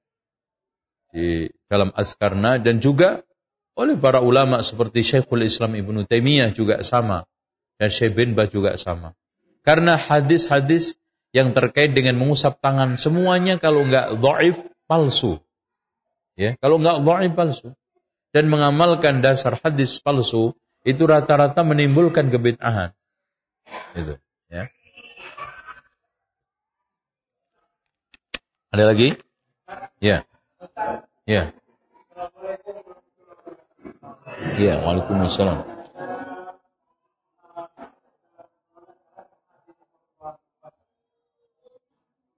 Itu empat bulan dalam kandungan sudah ditekan empat hal. Ya. Pertama ajalnya, maut, masuk surga dan neraka, acara yang berkaitan dengan masuk surga dan neraka. Empat bulan dalam kandungan itu berarti sudah sudah padarnya Allah dan kita dalam surga dan neraka. Nanti lebih lanjut ada cerita, ada seorang yang kerjanya ahli ibadah sehingga dia selangkah lagi menuju surga. Tapi yang padarnya tadi masuk neraka, waktu akhir hayat dia mengerjakan di neraka sehingga dia masuk neraka. Sebaliknya ahli neraka ini mau mati mengejar surga, masuk surga dan ke mana kita mengatai kadar yang begitu besar atau merubah takdir yang, yang empat tadi yang masuk neraka surga tadi besar. Kasih. Ya. Ini sulit banget pertanyaannya. Ini panjang ini. Gimana? Dijawab nggak Pak? Gimana Mas? Dijawab nggak Bu? Atau pulang aja ya? Kayaknya enak pulang deh. Udah biar selesai. Kita jawab tahun depan. Baik. Hadirin sekalian,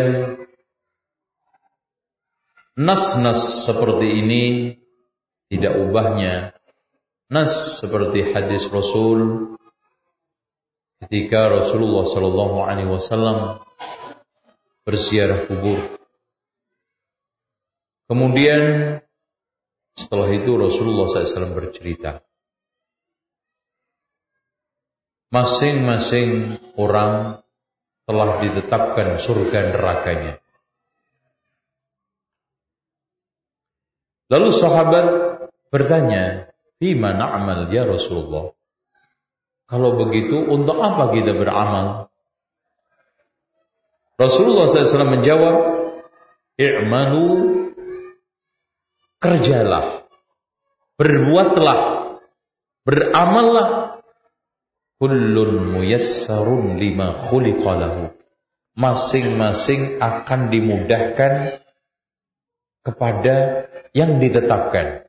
Artinya, yang ditetapkan Allah menjadi ahlul jannah, dimudahkan untuk beramal ahlul jannah yang ditetapkan oleh Allah Subhanahu wa taala ahlun nar dimudahkan untuk beramal dengan amalan ahlun nar. Dan fakta kehidupan. Tapi perlu di apa namanya ditegaskan di sini Allah lewat lisan Rasulnya, Rasulnya SAW memberikan hak kepada kita amal adalah kesadaran dan kehendak kita. I'malu dan memang manusia itu diberikan oleh Allah sebab tidak pernah dimintai pertanggungjawaban hasilnya bagaimana. Yang penting mengerahkan sebab. Maka habis, habis itu Rasulullah menjawab dengan firman Allah, فَأَمَّا مَنْ أَعْطَى وَاتَّقَى وَصَدَّقَ بِالْحُسْنَى فَسَنُيَسِّرُهُ لِلْيُسْرَى Siapa yang sekarang fa'amma man a'ta wattaqa memberi dan bertakwa dan membenarkan al-husna akhirat termasuk surga neraka dia percaya adanya maka Allah akan mudahkan kepada kebaikan dimudahkan masuk surga. Tapi wa amma man bakhil lihat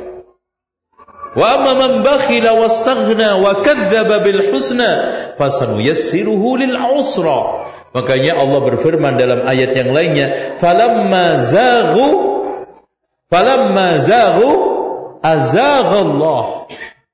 Ketika mereka memilih nyimpang, Allah simpangkan. Berarti kita yang menentukan amal kita dalam konteks kesadaran kita untuk memilih yang baik yang buruk. Itu kita. Contoh, Anak tanya, antum datang ke sini ini tadi sadar nggak? Sadar. Alhamdulillah. Ada yang gendeng datang ke sini. Atau yang ngigo mimpi sampai sini ngaji sampai selesai. Dan alhamdulillah Pak, Allah tidak menyiksa kita sesuatu yang kita lakukan di luar kemampuan akal kita. Makanya gendeng bebas, tidur bebas, anak kecil bebas. Ya kan? Allah tidak memberikan sanksi Rabbana la tu'akhidna inna sina au akhtana. Lupa nggak sengaja atau gila atau anak kecil tidur. Ini menunjukkan kesadaran yang dituntut. Makanya siapa yang ingin bebas tanggungan agama gila lah itu paling aman. Jadi siapa yang pengen bebas nggak sholat bebas nggak ini ada jalannya. Bagus. Ya Selagi kita sehat, sadar, waras. Dan kita tahu kok Pak, ketika kita datang ke masjid, saya masuk masjid, saya masuk tahiyat, kemudian sholat jamaah sadar. Rabbana la tu'akhidna. Dengan demikian, mari ayo kerahkan sebab. Oleh karena itu, iman kepada takdir yang benar. Gini Pak, caranya simpel dengerin segala sesuatu yang belum kita ketahui kejadiannya, persepsi kita milih yang baik. Contoh, saya ini ditakdirkan iman apa kafir ya? Iman. Jangan antum pilih kafir. Emang antum udah neropong catatan takdir. Wah, kue kafir ini. Enggak kan? Enggak, enggak kan? Loh, sama-sama nggak tahunya kenapa antum pilih nggak baik? Pilih yang baik aja. Kenapa? Kenapa sama-sama antum nggak tahu lauhul mahfud, kok antum yang pilih kafirnya? Kenapa? Nggak saya pilih iman. Sehingga saya kejar jalan-jalan iman. Terus kalau sekarang masalah kaitannya dengan non dosa musibah, fakir miskin. Anak nggak tahu ditakdirkan Allah miskin apa kafir benar. Sama-sama nggak tahunya. Kenapa antum nggak milih cukup kaya? Kenapa pilih miskin? Eh, Pak, saya juga kayaknya kerja nggak kerja, kayaknya ditakdirkan Allah miskin deh Pak. Udah begini aja deh Pak. Emang tanyain Pak, antum pernah nengok lohul mahfud Pak? Nggak pernah juga. Loh, kok bisa milih miskin Pak? Sehingga di sini ada sekalian cara beriman ketika belum terjadi soal masalah kebaikan keburukan pilih yang baik, soal nasib, nikmat atau tidak nikmat, pilih yang enak. Tapi kalau sudah terjadi, enak kita syukurin, musibah kita sabarin, enak syukur, nikmat eh musibah sabar. Udah. Baik deh. Katanya orang kata Rasulullah SAW kan, saya heran terhadap urusan mukmin ketika kena nek, ketika dapat nikmat syukur baik buatnya, ketika kena musibah sabar baik buatnya loh, nggak ada yang jelek. Nah soal hadis tadi pak, fa innar rajula la ya'malu amala ahlal jannah. Nih ini anak lengkapin hadisnya. Ada orang yang sekarang beramal amalan ahlu surga wala yakunu bainahu wa bainaha illa dira. Tidaklah tersisa antara dia dengan ajal kecuali satu hasta. Fayasbiku alaihi alkitab. Allah tetapkan takdir. Fayamalu amala ahlal jannar beramal amalan ahlun nar. Fadakhalaha masuk neraka. Tapi kita juga harus gandengkan dengan hadis lain. Innamal a'malu bil khawatim. Amalan tergantung pungkasannya ini supaya bikin kita nggak sombong ketika banyak amal baik, nggak frustasi ketika kita itu berdosa dan bermaksiat. Yuk, dosa tobat, beramal soleh, jaga istiqomah. Itu hadisnya. Dan kita harus gandeng. Gandengannya gini loh Pak. dalam masalah-masalah kaitannya dengan tadi nasib. Katanya para ulama seperti Imam Al-Zahabi di dalam kitab yang Masya Allah Al-Kabair itu masyhur kitabnya. Gak mungkin kalau orang itu hatinya terjaga. Tidak penasaran terhadap maksiat. Pikirannya mencari-cari. Bahkan bisa menahan, bisa terus mengendalikan. Dan menghindar dari tempat-tempat maksiat. Akhirnya su'ul khotimah gak mungkin. Gak mungkin. Rata-rata khotimah itu hatinya gemuruh maksiat. Pingin melakukan. Cuman gak kena karena gak ada kesempatan. Itu yang cenderung khusul khotimah. Contoh orang nggak minum khamr karena nyari khamr nggak dapat. Kayak di Saudi, di Mekah, sampai tujuh tahun nggak dapat khamr di sana. Paling tidak ngoplos obat batuk dicampur otang. Nah, itu dari cukrik. Itu. Atau dia pengen berzina nggak mau nggak bisa bisa karena nggak dapat perempuannya. Atau sekarang dia itu mau nggak minum khamr karena nggak punya nggak punya uang. Nah ini nggak namanya tinggal apa? Suul khotimahnya. Ketika ada kesempatan, pas kesempatan cabut nyawa, mantep itu. Mantep nerakanya maksudnya. Nah itu suul khotimah. Dan juga gini Pak, segala sesuatu itu Allah letakkan sebab. Antum lihat saja. Segala sesuatu ditetapkan dengan sebab. Yang penting kita kerahkan sebab. Contoh, punya duit sebabnya kerja. Punya anak sebabnya nikah. Itu masuk surga sebabnya amal, masuk neraka sebabnya maksiat. Loh kok sekarang kita sudah nikah nggak punya anak? Ya sudah, nikah lagi.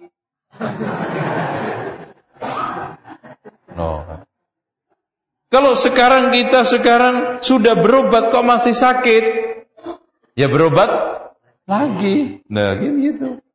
Bener nggak? Bener nggak? Bener. Kalau kita sekarang sudah usaha, tetap masih belum mujur, ya usaha lagi.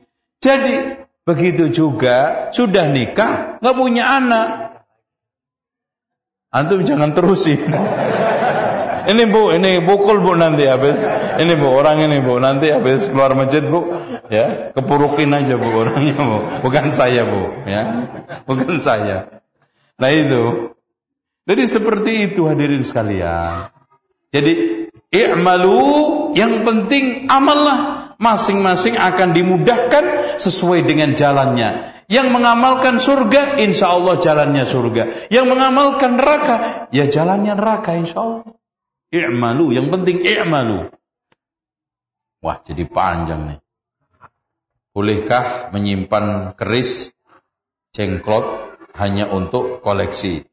Ya boleh, yang penting nggak disembah, nggak dimintai cari jodoh, ngarisin dagangan, nggak apa-apa. Tapi jenglot itu kan bentuk manusia, bentuk makhluk, ya jangan disimpan.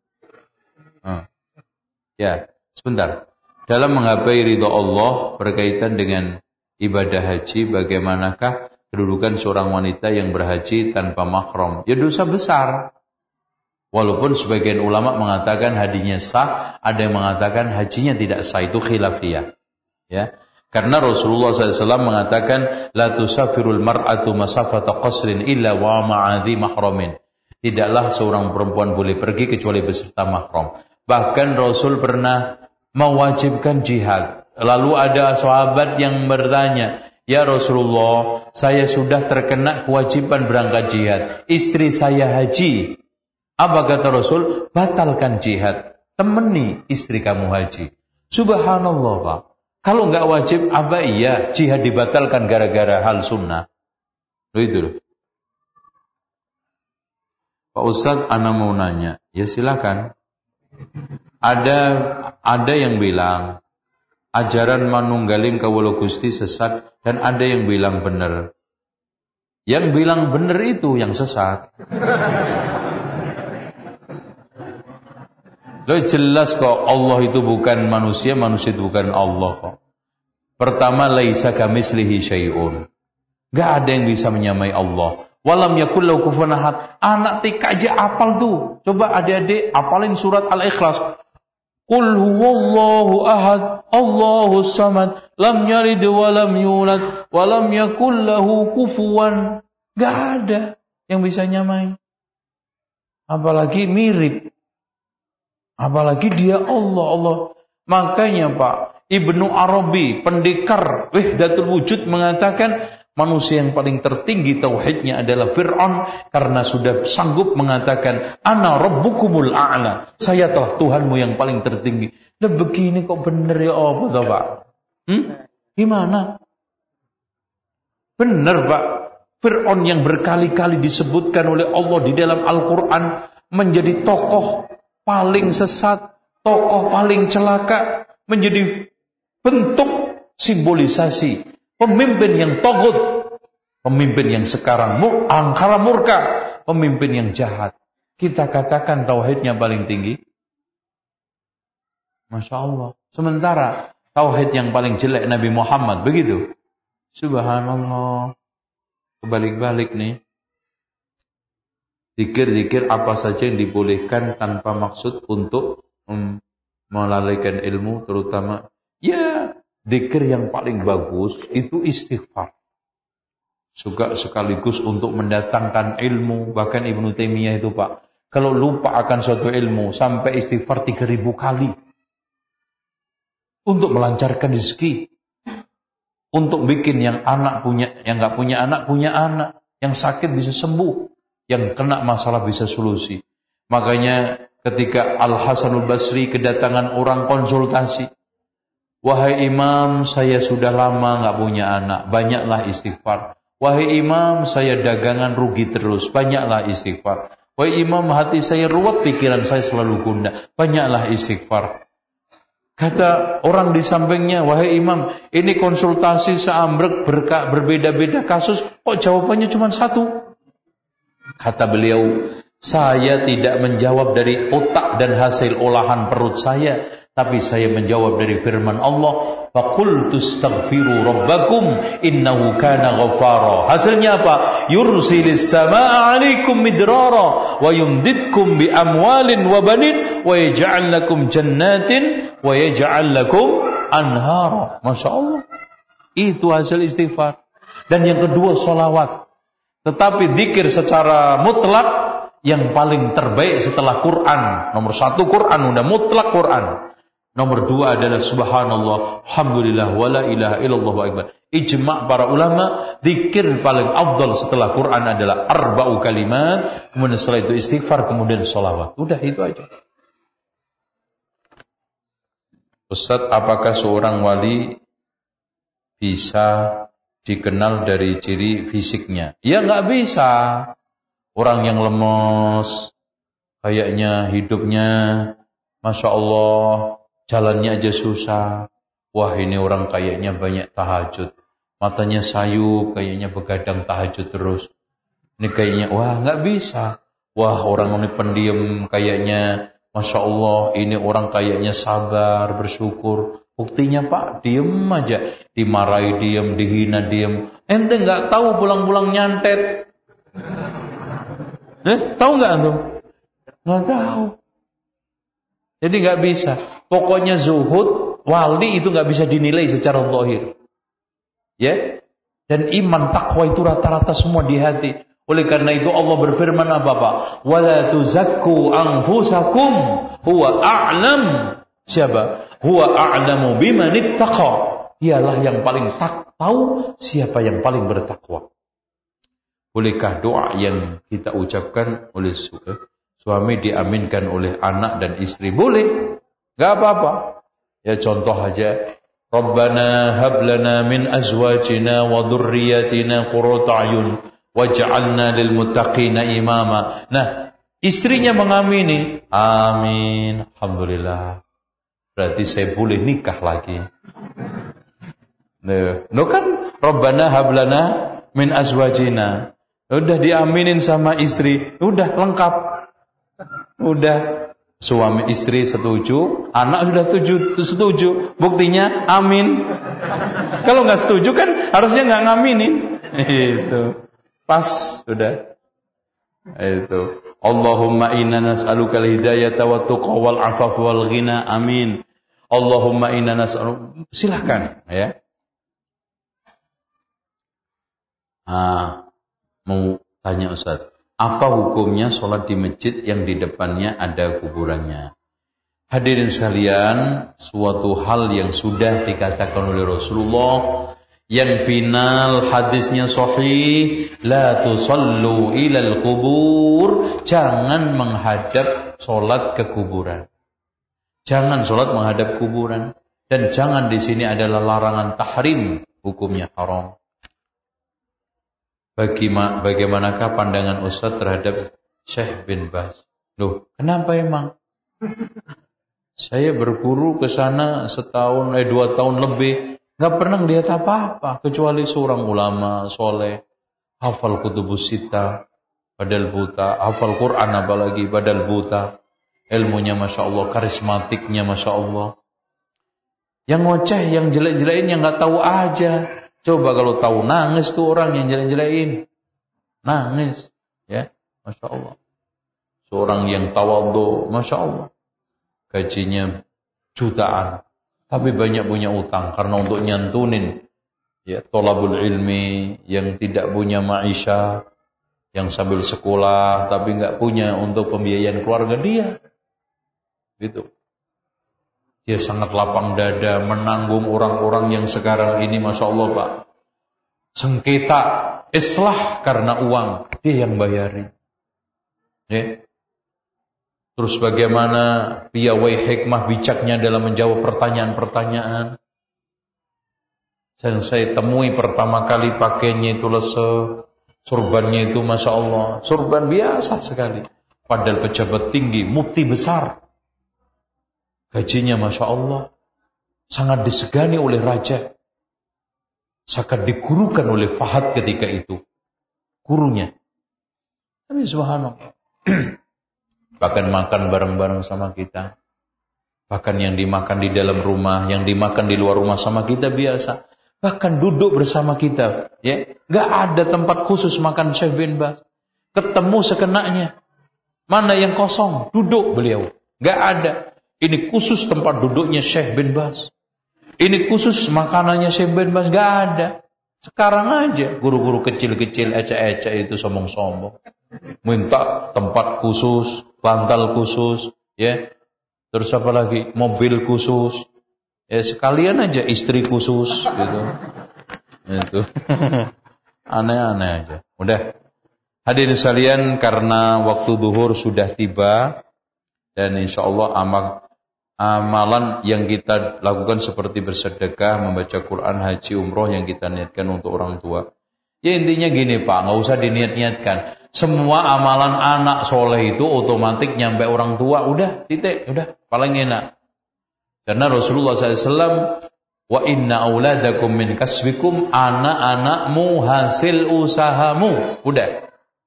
Jika demikian, seluruh anak dan usaha anak termasuk materi, material dan agama, spiritual. Spiritualnya anak nyampe ke orang tua. Materi anak halal untuk orang tua. Anta wa malu kali abika. Harta dan diri kamu untuk orang tua kamu halal. Banyak nggak boleh pelit-pelit. Rumah antum diminta boleh, mobil boleh, motor boleh. Halal itu. Itu. Dan nggak bisa dikatakan bapak saya ngemplang motor saya. Nggak boleh. Ya. Itu tanda birul waliden. Subhanakallah hamdika asyhadu an la ilaha illa anta astaghfiruka wa warahmatullahi wabarakatuh.